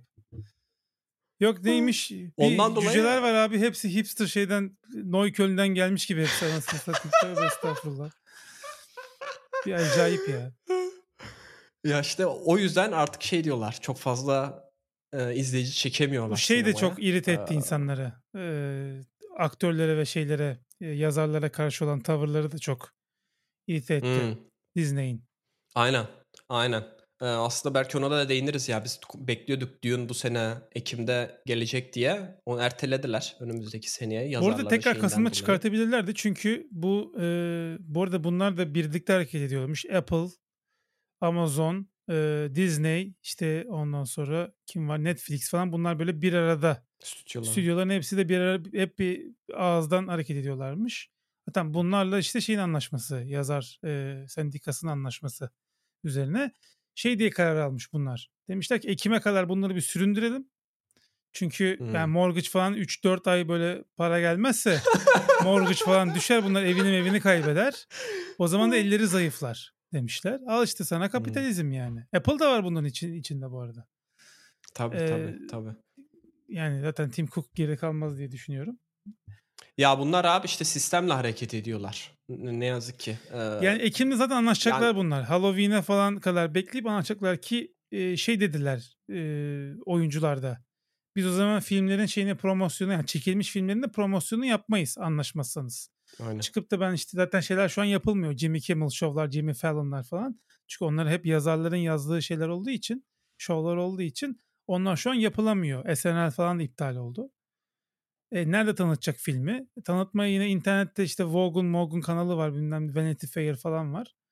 Oralarda biz çıkmayız falan dedi aktörler. O yüzden biraz endişe ediyorlar. Bir de şey endişesi var. Düğünün ertelenme sebeplerinden bir tanesi de. Ya şimdi biz bir şey çekmiyoruz. E, tamam bu yıl elimizde filmler var ama 2023'te bunları çıkaracak. 2024'te ne çıkartacağız? E, endişesi oldu. Biraz da ondan dolayı da Dune'u işte Mart'a ertelediler. İyi Mart benim doğum günüm zaten. E, güzel olur yani. Hı hı. Aynen. Orada tabii şey detayı, finansal sonuçları açıklarken o o o çeyrekte bir film olmayınca hop bir bir sonraki, bir önceki çeyreğe göre bakacaklar ki %30 düşmüş mesela gelir. Onu çok iyi zamanlamaları gerekiyor senin dediğin gibi. Sinemaya çıkacakları, hı. eee, zamanı. Ama ben şey açısından üzüldüm. Hani biraz ertelenmiş oldu. Ona üzüldüm ama tabii şey için hani yazarların hakkı için hiç umurumda değil yani. İsterse 4 sene sonra çıkarsınlar filmi ama millete hakkı hak ettiği parayı ödesinler. Yani sen de koskoca Apple'sın, Disney'sin yani. Eee, ona göre sistemini kur. Belki hani bizim de hatamız olabilir. Bizde çünkü şey beklentisi var sürekli her şey ucuz ucuz ucuz olsun diye bir beklentimiz var. Ucuz olunca da belki hani ne bileyim sistem karlı bir şekilde işlemiyordur. Onlara iyi para vermiyorlar. Ona göre o zaman fiyat belirlensin yani. Pahalı yapsınlar. Biz mesela işte senin bahsettiğin film sen dedin ki ben aldım. Ben de gittim. Ben de parasını verdim. Ben kiraladım. 19 TL ya. 19 TL ne ki abi ama yani? bir dolar bile değil. Değil yani. 19 TL'ye 50 film alabiliyorsun şu an iTunes'dan. Aynen. İstersen biraz girelim bu konuya, filme. Eee, ondan sonra Ya şey şimdi yaparız. Starfield geliyor biliyorsun. Starfield uzayda uzayda uzay kaşifine oynayabildiğimiz serbest bir rol yapma oyunu. Daha onun da review'ları yarın biz şu an çarşamba 30'unda kaydediyoruz. Yarın akşam çıkacak e, review'ları. E, zaten gece de oyun çıkıyor. Gece 3'te. Perşembe gecesi Türkiye saatiyle 3'te oyun çıkıyor ama ben tabii ki o saatte uyuyor olacağım için Cuma günü ancak e, mesai sonrası oynayabileceğim. Bir hastalık izni yazarsın ya. Yok be hafta sonu giriyor zaten sonra. Cuma akşamı başlarım. Cumartesi pazar e, tatlı tatlı oynarız yani. Yok şaka. E, benim size- ona ciddi vakit ayırıyorum. Bak sosyal medyayı falan da blokladım zaten. O, oradan arta kalan vakitlerde Starfield rahat oynanır yani. Neyse işte bu uzay temalı filmler zaten Interstellar çok büyük bir ilham kaynağı Starfield'a. E, kostümler falan çok benziyor Interstellar'a. NASA Punk tarzı bir e, şey var. Sanat tasarımı var. Ed Astra'da çok benim hani zamanda almış oldum ama bir türlü seyretmeye vakit bulmadığım bir film. Bahsedeceğimiz film Brad Pitt'in oynadığı. E, Tommy Lee Jones'un da böyle köşesinden oynadığı Ed Astra filmi. E, uzayda geçiyor film. E, biraz böyle yakın gelecek mi diyeyim? Yakın gelecek diyebiliriz aslında. Aynen yakın gelecek 2100 yılı falan gibi yani düşünebiliriz aslında. Ee, bir film ve ben filmi çok sevdim. Sevmemin sebeplerinden başlıca sebebi de e, bu Blade Runner'da çok gördüğümüz bir olay var. Yani sen bir adamın hikayesini seyrederken aslında o dünya ile ilgili, orada dönen olaylarla ilgili fa- falan fikir sahibi oluyorsun. Bunu mesela çok bence güzel vermişler. İşte e, karakter giderken mesela şey diyor işte ülkeler e, aydaki parselleri üzerine kavgaya tutuştu falan diyor mesela.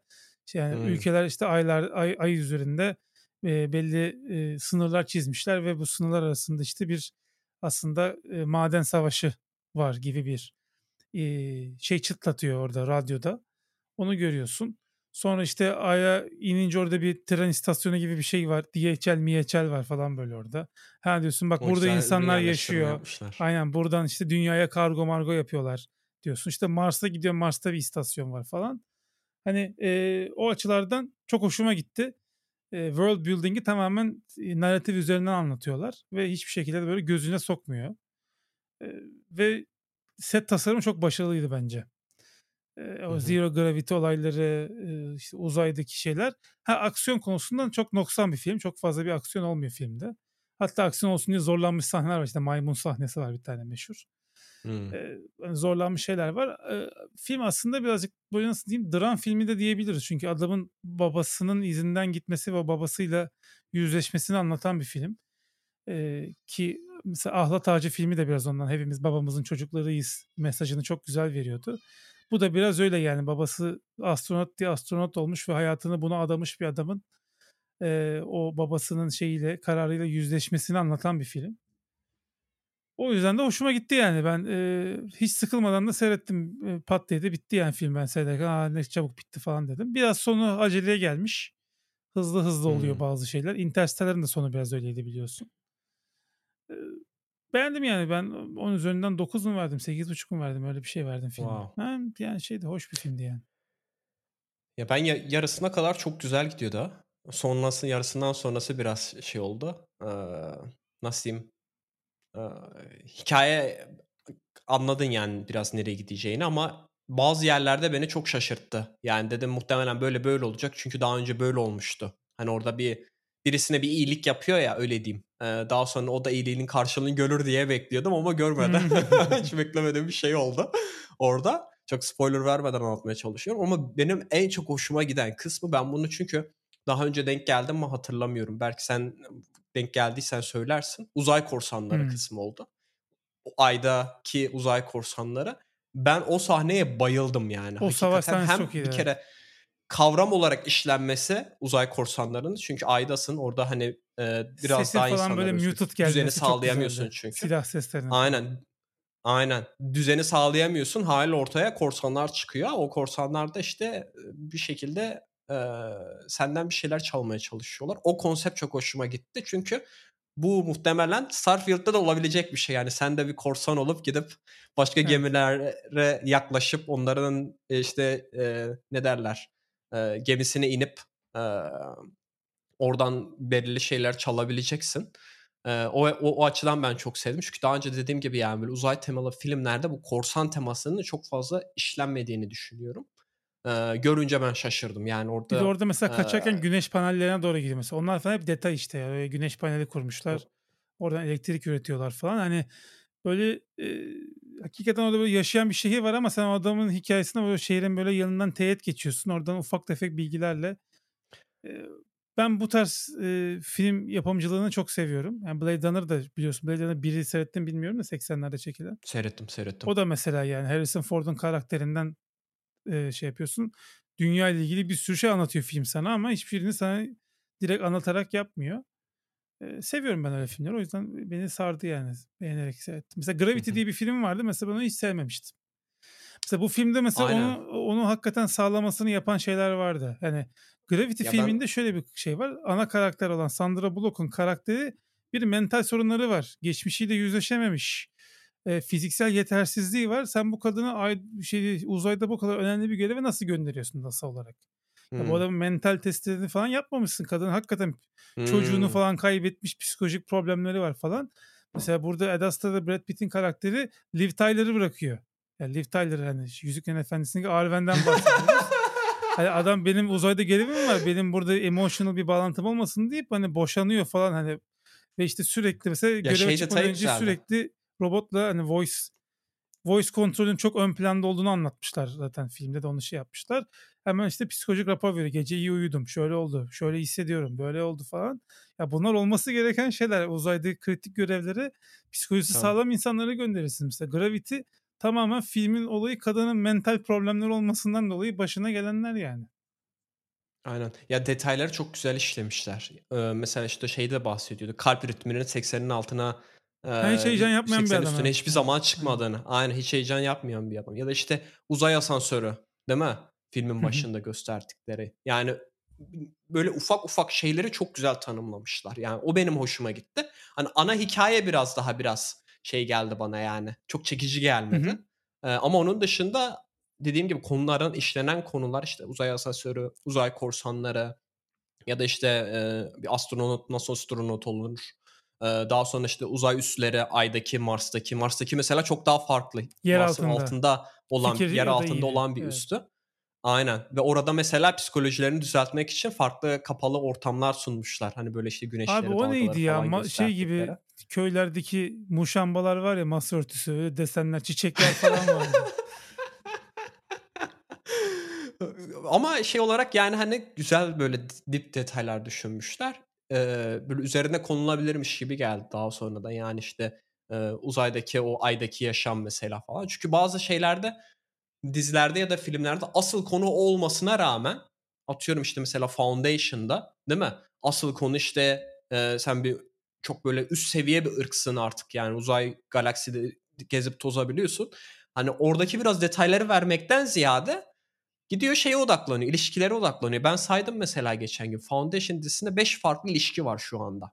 Konu hani dizinin gidişatında işte bir e, imparatorun iki kişiyle bir ilişkisi var. İşte daha önceki imparatorun bir ilişkisi var. İşte bu ana karakter kızımızın bir ilişkisi var. Onun kızının kızının şey bir evet ben ilişkisi bunu var. seyretmek istiyorsam gider Fox, Fox Bayağı TV böyle açarım. romantik Yaz şey oldu. dönüyor şu an Fox TV'de. Onları seyrederim abi yani. Abi yani bekliyorsun ya azıcık abi bana biraz bir bilim kurgu ver ya. Şey böyle Allah rızası için hani biraz bilim kurgu yani. Ki Foundation Yok, yani. anlatmıyor. Asimov görse bunların yüzüne tükürürdü yani. Ben tabii seyretmedim Anlatmıyor abi.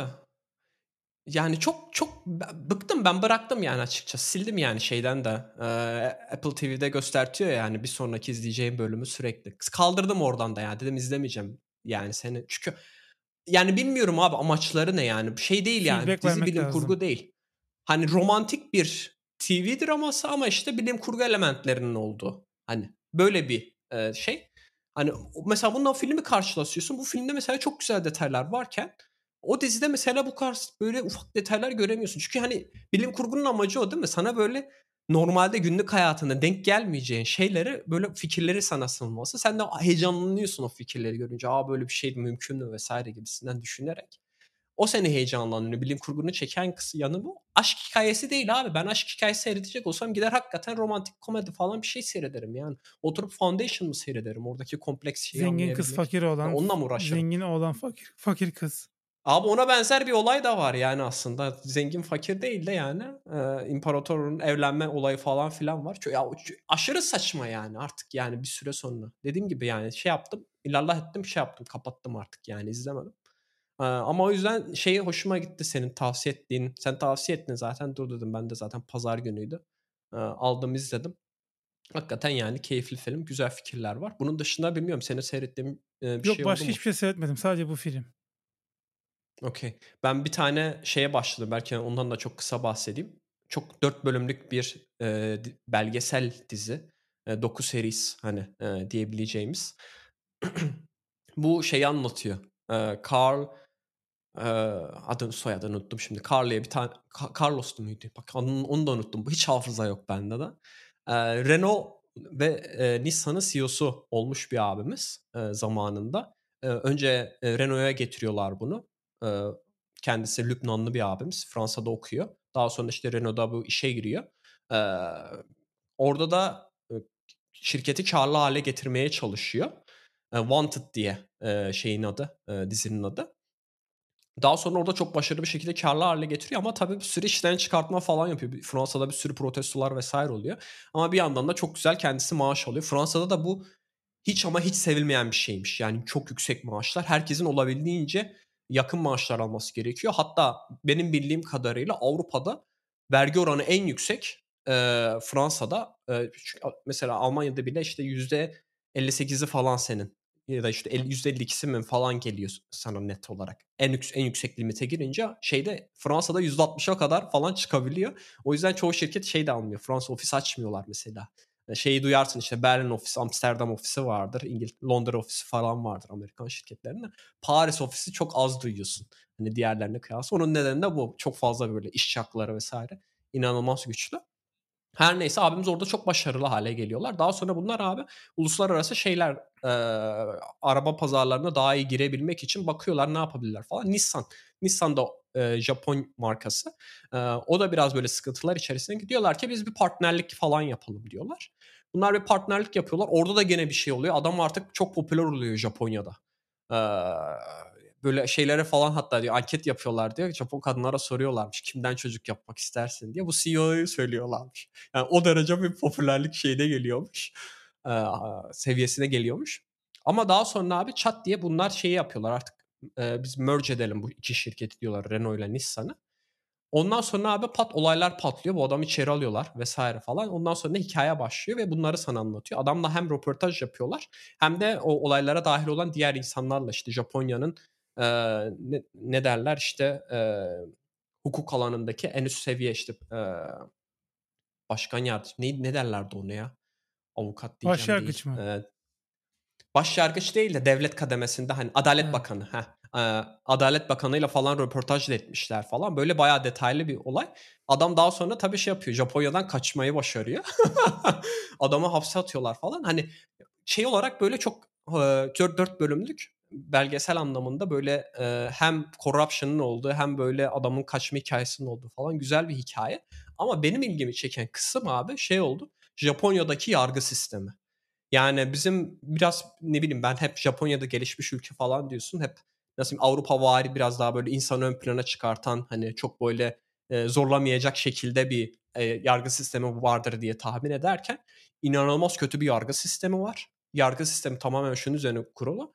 Sen mesela bir suçlusun e, ya da şüpheleniyorlar işte seni içeri alıyorlar abi. Ondan sonra seni hücreye koyuyorlar. Hücrede de belli şey yap yok yani masa falan yok, sandalye yok, yatak yok. Her şeyi yerde yapıyorsun, yerde yiyorsun, yerde yatıyorsun. Sürekli senin böyle L şeklinde duvara dayalı şeklinde oturmanı istiyorlarmış ki seni görelim diyorlar. Hani öyle diyorlar. Yani inanılmaz seni psikolojik olarak çökertmeye çalışıyorlarmış. Daha sonra senin suçunu kabul etmeni istiyorlarmış. Hani istedikleri şey yargılama süreci öyle oluyormuş. Kendileri hani normalde batıda ne olur? İpucu toplarsın, delil toplarsın. O bir şekilde e, kanıtlamaya çalışırsın o kişinin suçunu. Japonya'da biraz daha şey böyle hatta detay veriyorlar. %95'i kendi suçunu kabul ediyor. Hani e, bu tarz suçlamalarla yüzleşen insanlar. E, o çok kötü. Daha sonra işte ne bileyim adama e, birkaç sefer içeri alıyorlar. Daha doğru düzgün hani şeyini yapmadan böyle yargılamadan vesaire çok uzun süre içeride kalıyor. Hani bir hapis olmadan önceki süreç var ya tam terminolojisini bilmiyorum da. E, orada çok uzun süre falan tutuyorlar. Göz altında aynen. E, o, o açıdan ben bayağı böyle şey oldum yani. Ben hani Japonya'ya git git Japonya'da çalışmak ister miyim ya da Japonya'da suç iş, işlersem başıma ne gelecek falan aşırı korktum yani. O derece e, bir şeyi var, sistemleri var. Psikolojik olarak çok kötü oynuyorlarmış senin üzerinde. E, doğru düzgün bir sistem de işlemiyor. Yani çok uzun süre tutuyorlar seni. Hani bazen hani e, bilmiyorum yani çok eleştiriliyor yani Türkiye'deki yargı sistemi de biraz daha bizimki en azından insancıl olabiliyor hani bazı durumlarda da orada hakikaten hani insanı biliyorsun çok uzun bir süre yalnız başına bırakmamak gerekiyor kapalı bir hücrede.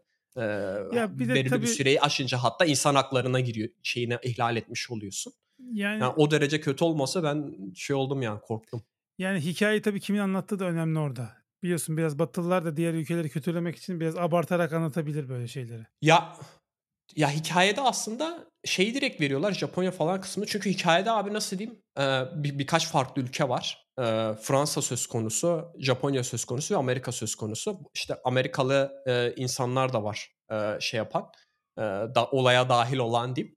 O yüzden böyle e, fark, ben yani şey biraz ön yargı değil de şeyi net olarak göstermişler gibi geldi bana. E, Japonya'daki yargı sistemi nasıl işliyor?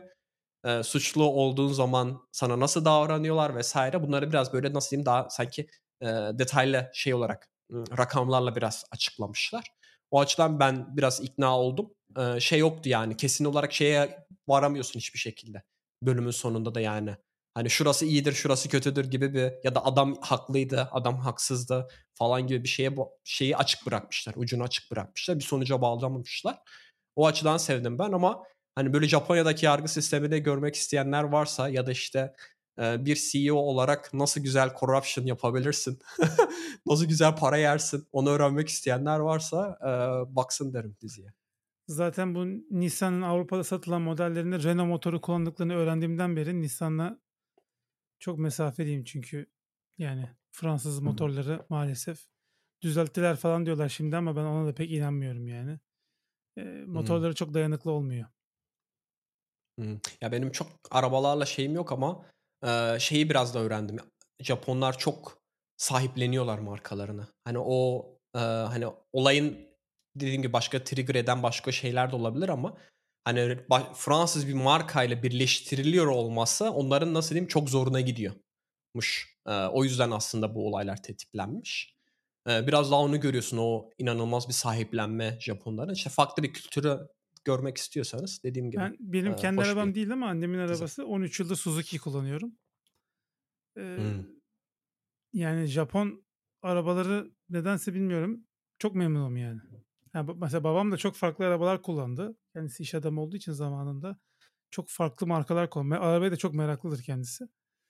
Eee, o da mesela hani, eee Japon'dan şu mesela Toyota kullanıyor o da Japon, arabası kullanıyor. Japon'dan kesinlikle vazgeçme diye söyler bana. Eee, ben de mesela Suzuki 13 yıl oldu hâlâ canavar gibi çalışıyor araba. Biraz dayanık benim için çünkü önemli olan arabanın bozulmaması abi. Çünkü bizim hı. Renault'umuz vardı, bozuldu. Çok kötü bozuldu hem de yolda bizi çok bıraktı. O yani uzun yolculukta yolda kaldık.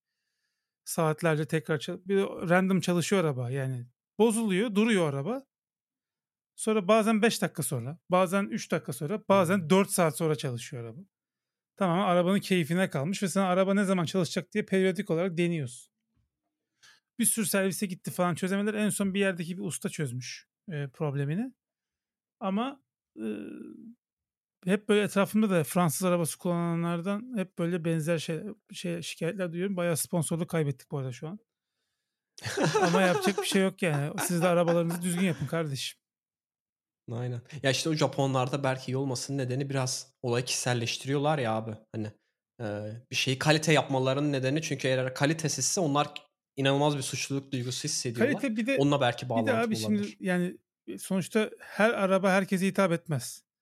Yani sen arabayı Hımm. yaparken bir hedefle çıkarsın yola. Dersin ki ben öyle şöyle bir araba yapacağım, uzun yıl dayanacak.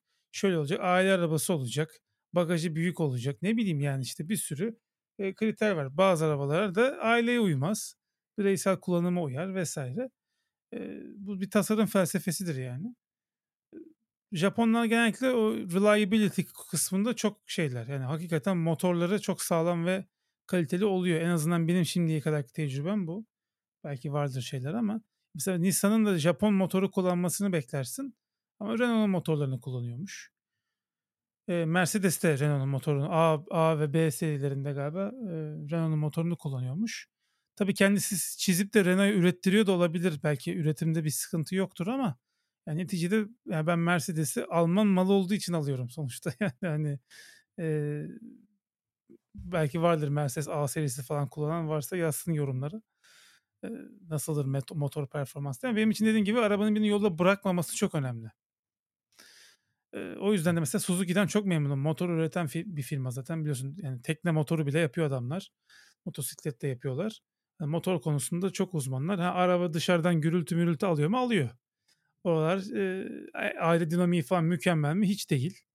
Eee, multimedya sistemleri falan öyle kusursuz mu? O da değil. Ama araba reliable götürüyor yani seni A noktasından B noktasına, eee, gönül rahatlığıyla, güvenle götürüyor. O açılardan da beğeniyorum. Biraz burada araba övmüş olduk ama Su Suzuki. Öyle bir bahsetmek istedim. Ama ilginçmiş yani şey Süper. dizinin konusu. Aynen.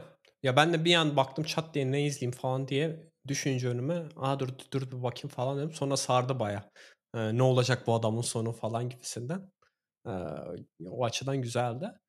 Eee, bilmiyorum kaç saat oldu? Eee, birkaç konumuz daha var. Onlara da değinelim mi? Eee Gamescom'dan çok ufak bahsedebiliriz. Gamescom event'i vardı. Olur. Ben tatildeyken akşam oturdum.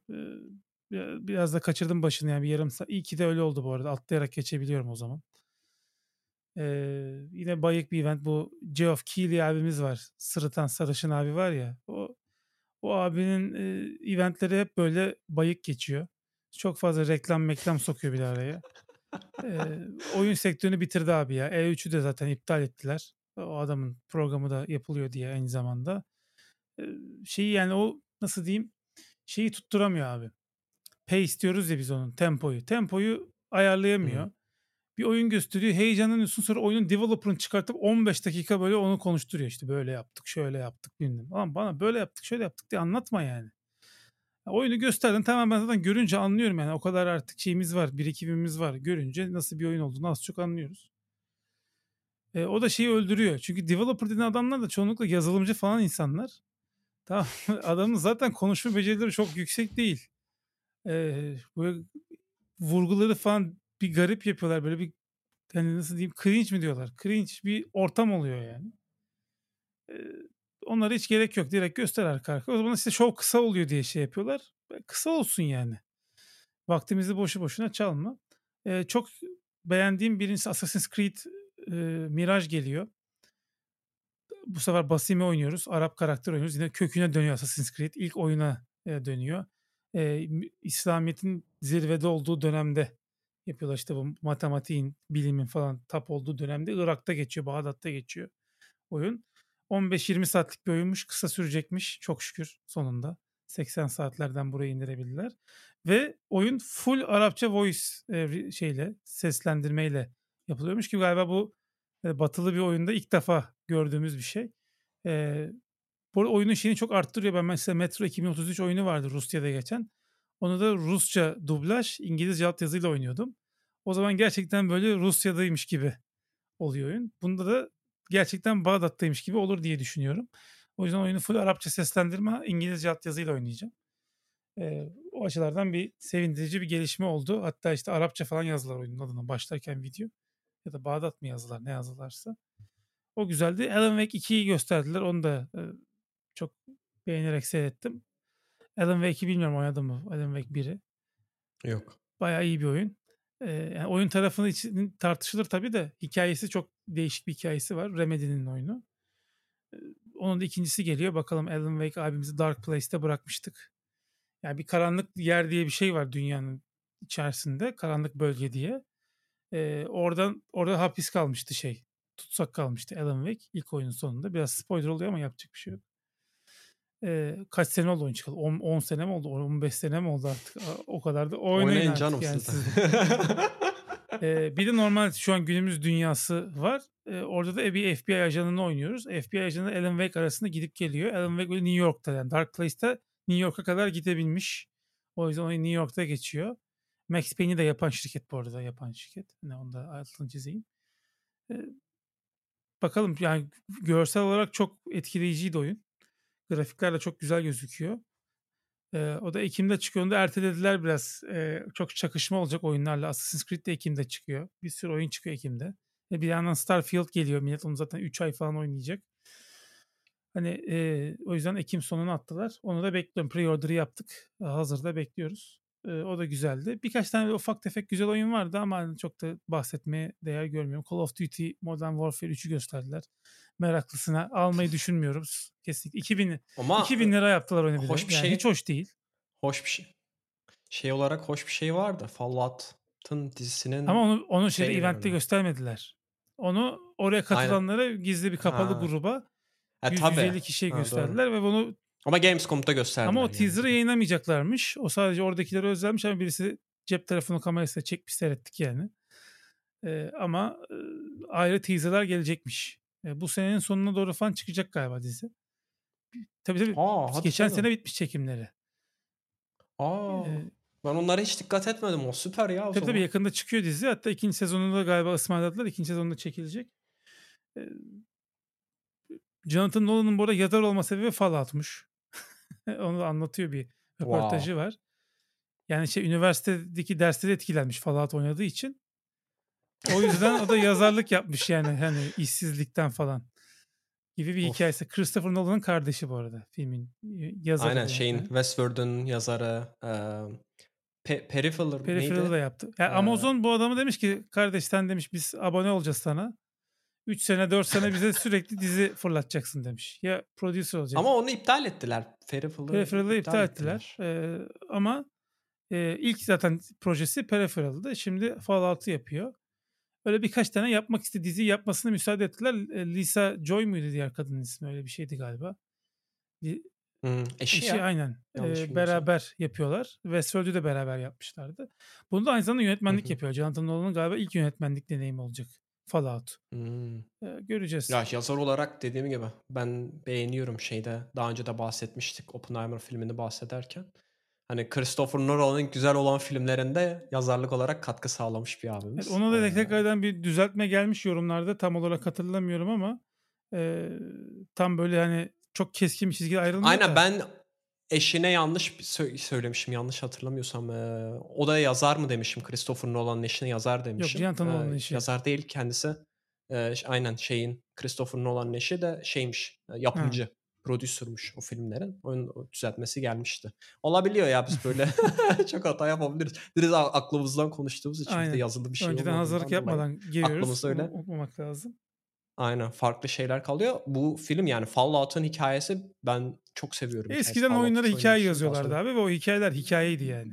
Şimdi millet şey diyor o abi inanılmaz God of War'un hikayesi falan. Şimdi Fatih Aslan dinliyordur podcast üzülecek ama yani o hikayeler çok öyle yani narratif çok iyi. Hikayeyi anlatış şekli çok iyi oyunun da. Hikaye şey yani baba oğul hikayesi yani. Baba oğul bağlanma hikayesi. Ee, oğlu olan her babanın az çok yaşadığı şeyler yani. Aynen ama Fallout'un hikâyesi biraz daha böyle farklı. Bir kapitalist bir şirket var. Sana bazı şeyler satmaya çalışıyorlar. Eee, Vault satmaya çalışıyorlar. Ne Vault-Tec. derler? Hı Yer altında sığınak. Eee, sığınak satmaya çalışıyorlar. Bunun yanında başka teknolojik ürünler falan, robotlar vs. falan da satıyorlar. Bu sığınak da tabii ki nükleerden korunmak için, satılan bir sığınak ve daha sonra tabii nükleer savaş başlıyor. İşte nükleer atılıyor ve, herkes Vault'a giriyor. Daha sonra da sen hikâye o Vault'tan çıkıp, ne derler? Apokaliptik dünyayı, eee, Su soğutma keşfetmenle çipi mi, su arıtma Fallout'un çipi mi ne hikâyesi. bozuluyor. Çip lazım oluyor. Diyorlar ki aramızdan birisini seçip dışarıya yollayalım diyorlar. O da sen oluyorsun. Aynen. İşte çip bulmaya Aynen. çalışıyorsun ama tabii başına bir sürü şey geliyor. O yani. Bak şimdi ben onu şimdi şey merak ettim. Silo'nun şeyinden mi acaba esinlenip yazmış olabilirler mi Silo daha sonra yazılmış kitap. Öyle Silo mi? Fallout'tan esinlenmiştir. Fallout'tan. Fallout çok orijinal bir Ha. hikaye canım. Ya bu Baldur's Gate'ler falan da Ya ben Silo'yu biraz eski bir kitap diye düşünüyordum. 90'larda yazılmış galiba ama Erken fa- olabilir. yok. Silo daha eski, eski değil ya o kadar Silo. Bilmiyorum. Bana sanki eski geldi de Ya yazar da çok genç bir olabilirim. yazar. Silo'nun yazarı. Öyle mi? Bakarım Peki. yani şu an elimde elimin altında yok da. Ee, Ya şey olarak çok hoş bir hikaye. Senin hani bir dünyayı keşfetme, apokaliptik, atom bombası düştükten sonraki dünyayı keşfetme, yaratıklar. Çünkü hepsi radyasyona maruz kalmış yaratıklar. Ve tabii orada şeyler. Aslında biraz da orada mesela Walking Dead'den de gene bir şeyler görüyorsun. İşte hani e, belirli gruplaşmalar oluyor. Kendileri, kendi şehirlerini kurmaya çalışan insanlar oluyor. Her bir yere gittiğinde farklı kuralları oluyor o ku- şeyin. E, ya da işte yöneten kişisi farklı oluyor. Eee, farklı yerlerde farklı canavar türleri oluyor vesaire. Eee, şeyi aslında genelde benim Starfield'ı bel- bekliyor olma nedenim de o. Çünkü Starfield için hep şey diyorlar. Fallout'un uzayda geçeni dediğin zaman zaten otomatikman hani tamam ben oluyorum diyorsun. Çünkü Fallout'un o e, oynayış şeklini, oynayış stilini, karakterinin özelliklerini değiştirmen, insan e, NPC'lerle yaptığın, oyundaki diğer karakterlerle yaptığın diyalogların oyunun çok sonrasını bile etkiliyor olması. e, senin orada işte çok iyi konuşuyor olman gerekiyor. Ya da işte sen karakterini nasıl kurduysan falan.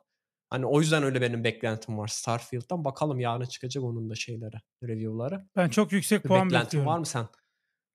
Kaç beklentin? Ben 90 üstü bekliyorum. Net. Öyle mi? Yani şöyle eee, oyunu oynayan basın mensuplarının attığı tweetler var. Yani oyunun ismini vermiyorlar ama mesela adam diyor ki yine saat 4 olmuş falan diye tweet atıyor. Sonra onu alıntılıyor diyor ki bugün de yine geceyi 4 yaptık diyor. Sonra bir daha alıntı yapıyor. Bugün de geceyi 4 yaptık diyor. Sonra diyor ki ya diyor Gamescom'a git- gittim ama aklım oynadığım bir oyun var onda falan diye tweet atıyor herif şimdi tamam mı? Şimdi onun Starfield olduğu belli yani. Baldur's Gate değil. Baldur's Gate çıkalı çok oldu. Ee, öyle olunca tabii hani böyle insanların hakikaten yani bu hiç oyunu bırakamadıklarını bıraktıktan sonra bir de akıllarının orada kaldığını ima eden şeyler var. Şimdi böyle bir oyun tabii ki de herhalde tahmin ediyorum ki yani problemli çok problemli bir oyun olsa bu kadar tweet atmazsın yani. Ee, Hı hı. işte e, trolleyenler var. Bir şey yazmış. Ya demiş Starfield'ı demiş sonunda bitirdim. Hep demiş bir şey yapıyorlardı sonuyla ilgili spekülasyonlar oldu. Hakikaten demiş sonu da çok tırtmış falan demiş. Sonra altına demiş ki al, al demiş Starfield yazdım. Seinfeld diyecektim. Autocomplete Starfield yazmış falan demiş. Seinfeld'in final bölümü iyi değildi ya. Ondan sonra Hmm. falan. Böyle millet birbirini trollüyor falan. NDA'yı bozmamak için şey yapıyorlar. Sonra işte siyahi bir arkadaşımız oyunun nasıl elde ettiyse hırsızlık yaparak si- şeylerini çalmış. Disklerini mi çalmış ne yapmış? Oyunun ilk 41 dakikasını telefonuyla ekranı çekerekten YouTube'a koydu. Oyunun ilk 40 dakikası sızdı. Sonra polis evine baskın düzenledi. Çocuk uyuşturucu bulundurmaktan ve işte hırsızlıktan 2 yıl mı 3 yıl mı hapis artı 40 bin dolar mı ne para cezası verdiler çocuğa. Onu, bayağı olaylı geçiyor. Ee, bakalım merak ediyorum ben de ama ben 90 üstü bekliyorum. Tabii şey durumu da oldu. Ondan da bahsedelim biraz bizim oyun basını serzenişte bulundu. Ee, bence haklı değil serzenişleri. Bazı e, oyun review sitelerine kod vermemiş Microsoft. Göndermemiş. Hmm. Bu oyun siteleri özellikle e, Microsoft'u son yıllarda çok fazla e, dalga geçen ve tiye alan yani eleştiren demeyelim. Çünkü eleştiri gayet makul ve mantıklı. E, alan şeyler e, özellikle işte bu e, Eurogamer'a mesela vermişler. Eurogamer mesela Microsoft'un son eventinde canlı yayın yapmış. Canlı yayında iki tane kız mesela sürekli alay ediyorlar Microsoft'un oyunlarıyla. Şuna bak bilmem neye benziyor falan diye. O yüzden hatta Hmm. Eurogamer'ın alt kuruluşu Digital Foundry'e kod veriyorlar ve diyorlar ki kodu size Eurogamer'a vermemek şartıyla veriyoruz yani. Oyunu Eurogamer'dakiler oynatmayacaksınız diyorlar. O şartla veriyoruz falan gibi bir şey yapıyorlar. Aynı zamanda işte İngiltere'de Metro diye bir şey var. Onlar da mesela aynı şekilde çok e, Microsoft düşmanı. İşte Game Rant falan filan var. Bunlar hep şey yani sürekli Starfield daha çıkmadan e, yalan haberlerle e, oyun sanki kötüymüş izlenimi oluşturmaya çalışan ve PlayStation tarafında haberler yapan, onları öven vesaire kuruluşu onlara vermemişler. İyi ki de vermemişler. Hiç e, şey yapmasınlar. Hatta Eurogamer ağlayınca şimdi dün mü ne vermişler kod. Ama adamlar diyorlar ki bizim incelemeye vaktimiz olmayacak. O yüzden incelememizi 31'inde çıkartamayacağız demişler. E, bence doğru yapıyorlar. Çünkü oyun basını şu an tamamen Sony'nin elinde. E, bunu da e, şöyle yapıyorlar. Direkt para vermek değil ama reklam üzerinden. Çünkü sonuçta Sony'nin çok ciddi bir reklam bütçesi var. Yeni bir oyunu çıktığı zaman, yeni bir konsol çıkarttığı zaman reklamları döndürüyor bu internet sitelerinde. Kim daha çok e, tabiri caizse Sony'yi yalarsa ona daha fazla reklam veriyorlar. Böyle bir durum var ki zaten şeyden falan anlayabilirsin yani Last of Us Part 2'nin review'larına bakarsan yani anormal fazla review var ve review yapan site, hani 10 üzerine 10 veren sitelere bakıyorsun hiçbirisi adı sana duyulmamış. Son 2-3 senede kurulmuş falan böyle şeyler yani kuruluşlar. Oralardan zaten bu işin nasıl döndüğünü anlayabilirsin. Biraz işte Xbox exclusive olmasından dolayı da aşağı çekeceklerdir. Ben o yüzden işte yani 87-92 arası falan bir şey bekliyorum. O da aşağı çekmesinden dolayı e, ben gördüğüm kadarıyla yani oyun daha oynamadık tabii ama e, 90 üstü bir oyun yani 95 üstü bir oyun gibi bir şey seziyorum ben. Hmm. Çünkü Bethesda'nın oyunları hep zaten 92-93 üstü oluyor. Bir tek Fallout 76 düşük puan almıştı. O da multiplayer olmasından dolayı. E, bugüne kadar hiç bu adamlar, bu ekip, ekibi de bozmadılar bu arada. Adam o yüzden Bethesda Bethesda. Aynı ekiple devam ediyorlar. Hiç böyle şey kötü oyun yapmış bir e, stüdyo değil. E, ama işte Xbox exclusive olması ilk defa onun biraz belki puanını düşürecektir ve bu adamlar çok bug'lı oyunlar çıkartıyorlar. E bu sefer de oyunu yeniden yazdılar ve hakikaten bug konusunda o teyit edildi yani. O review edenler söylediler. Dediler ki oyunda e, bug çok nadir yani böyle yani. 10 saatte bir tane basit bir şey falan çıkıyor yani. O da oyunu bozan bir şey değil. Ona patch Ha, çıkartıyorlar. hemen zaten dü- iki gün önce bir tane patch çıkarttılar. Muhtemelen çıktığı gün de patch gelecekmiş. Hatta New Game Plus gelecekmiş patch'te. Yani oyunu bitirdikten sonra New Game Plus'ta sahip olduğun özelliklerle sıfırdan oyuna devam edebiliyorsun gibi bir e, modu oluyor. Hmm. O da geliyormuş. Ee, o yüzden bu sefer daha yüksek bir şey bekliyorum ama oyun basını da bu Xbox exclusive olmasından dolayı o momentumu kırmak isteyecektir. Ee, bakalım göreceğiz. Bence Microsoft da Sony'nin yaptığını yapmalı. Bir sürü site kurdursun. Versinler onun üzerinden onu bassınlar yani. Madem öyle. E, millet şey yapıyormuş ya 600 tane Metacritic hesabı açtım diyor. Çocuğun biri gördüm Twitter'da. Sıfır vereceğim oyuna diyor. Düşüreceğim puanını diyor. Şey user score var ya kullanıcıların da. Abi ben niye böyle Adam yani? 600 tane fake e-mail ile şey almış. Hesap almış. Onların management'ını yapmış. Şifreleri falan böyle belli. Girip girip sıfır verecek hepsine. Abi işte ne bileyim manyaklık yani. Niye böyle şey tutuyor? Bak başta işte ben God of War Abi oynamak yani- için game porting toolkit falan kuruyorum bilgisayarıma. Niye? E, o da güzel bir oyun yani merak ediyorum.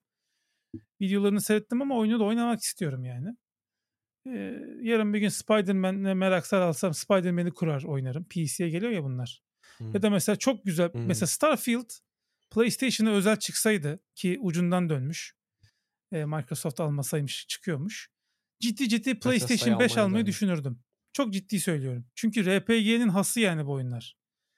Ee, o yüzden de yani öyle benim bir şey tarafım yok yani. İlle Xbox olacak diye bir şey yok ama RPG'ler hep Xbox'ta ne yapayım yani. Aynen. Süper. Ee, Kapatabiliriz. O zaman yavaştan kapatalım bölümü. Önümüzdeki bölümde muhtemelen bayağı hem Apple'ın eventi de olacak. Ee, 12'sinde. Tam zaten 12'sinde Ondan da kaydedeceğiz galiba. Aynen bir sonraki gün kaydedeceğiz şeyi. Ee, çarşamba kaydettiğimiz için. Salı günü e, event. Ee, muhtemelen bir sonraki bölümümüz bol bol Apple, bol bol Starfield Ya da salı kaydedip çarşamba bana. bölüm yayınlayıp tekrar pazar için bir bölüm daha kaydedebiliriz. İki bölüm arka arkaya olur yani. Öyle de olabilir. Artık duruma göre Ya bakarız. Apple'ın artık ne duyurduğuna göre e, değişir. Yine iPhone, iPhone duyuyorsa sadece valla hiç konuşasım yok açıkçası söyleyeyim size. Çünkü yani yine kamerayı büyüttük falan olacak.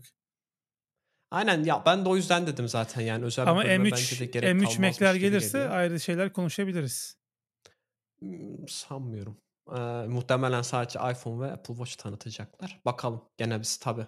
e, Dedikodu bunlar. Duruma göre karar veririz ama e, çok böyle şey olmazsa yani hani şaşırtıcı bir şeyler olmazsa muhtemelen bir sonraki bölümde bol bol Apple, bol bol Starfield konuşuruz. Ben de oynayacağım çünkü oyunu. Ee, detaylı bir aslında Sen birinde mi yaparız. Şeyi de altısında mı açılıyor hatırlatamam. O review'lere bakacağım. Review'ler 90 üzeri ise gidip şey premium upgrade'i alacağım. Bir de ben şimdi şöyle bir şey var. Onun da detayını da verelim. Ee, premium upgrade alınca e, oyun early access olarak birinde erişebiliyorsun. Yoksa e, kaç altısında Şöyle, erişiyorsun. Premium upgrade ondan da bahsedeyim. Oyunun premium versiyonunu alırsan oyun birinde erişebiliyorsun. Fakat ben zaten Game Pass üyesiyim. Oyun bana gelecek diyorsan da premium upgrade diye daha düşük fiyatlı bir şey satıyorlar. Onu alırsan Aynen. Game Pass'ten bazı oyunu alıyorsun. Upgrade de sana early access veriyor. Aynı zamanda şey de veriyor. Bu satıcı gibi konuşuyorum ama. Patch veriyor. Yok patch değil. Ee, oyunun Ha. hikaye DLC'leri çıkacak. Hatta Skinleri. Phil Spencer dedi Hı. yani biz birkaç sene Starfield'da içerik çıkartmaya devam edeceğiz. Single player içerikler çıkartacağız dedi. İlk DLC'de Shattered Space diye bir DLC gelecek özelde. Ya Hı, yıl sonuna tamam. doğru gelir ya 2024'ün başında gelir. Onu da e, içerisinde barındırıyor. Ekstra işte bir de kostüm, mostüm, tabanca, mabanca falan veriyor. Aynen birkaç skin Ama önemli öyle Ama yani 5 gün öncesine erişmek. Kesinlikle. Bir de detay e, bunları dijital alınca bunlar var. Bir de fiziksel olarak alabiliyorsunuz. E, Bilmiyorum Türkiye'de atıyorum Teknosa vesaire gibi Vatan gibi teknoloji Var da geç marketlerinde de satılır diye tahmin ediyorum. E, Ben o yüzden eğer alırsam gidip burada Media Markt'ta birinde Cuma günü gidip alacağım. Çünkü içerisine patch de veriyorlar. Bu bilmiyorum patch'in Türkçesi e, Arma abi arma. Ne Montun derler? üzerine yapışılan arma. arma. Aynen. Aynen bu okul armaları falan oluyor ya hani şeylerde daha yaygın oluyor. Amerikan okullarında falan. O tarz bir arma veriyorlar. Uzay temalı. Kon- Bu Constellation. e, Starfield'ın ana şeylerinden bir tanesi. Gruplarından bir tanesi oyun içerisine geçen. Onların armasını veriyorlar. Onu böyle şey istiyorum yani monta e, dikmeyi değil de su geçirir yoksa e, yapıştırmayı istiyorum.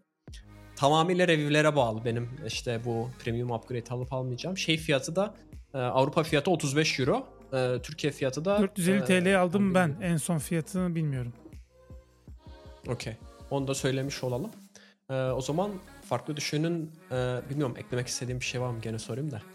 o zaman farklı düşünün 120 bölüm içinde e, biz gene farklı e, konular hakkında sohbet ettik. Biz dinlemekten keyif alıyorsanız bize Apple Podcast'ten ve Spotify'dan takip edebilirsiniz. YouTube'dan da takip edebilirsiniz. Dilerseniz e, Buy Me a Cafe üzerinden abone olup Telegram grubumuza dahil olabilirsiniz. Bir sonraki bölümde görüşmek üzere. Hoşçakalın.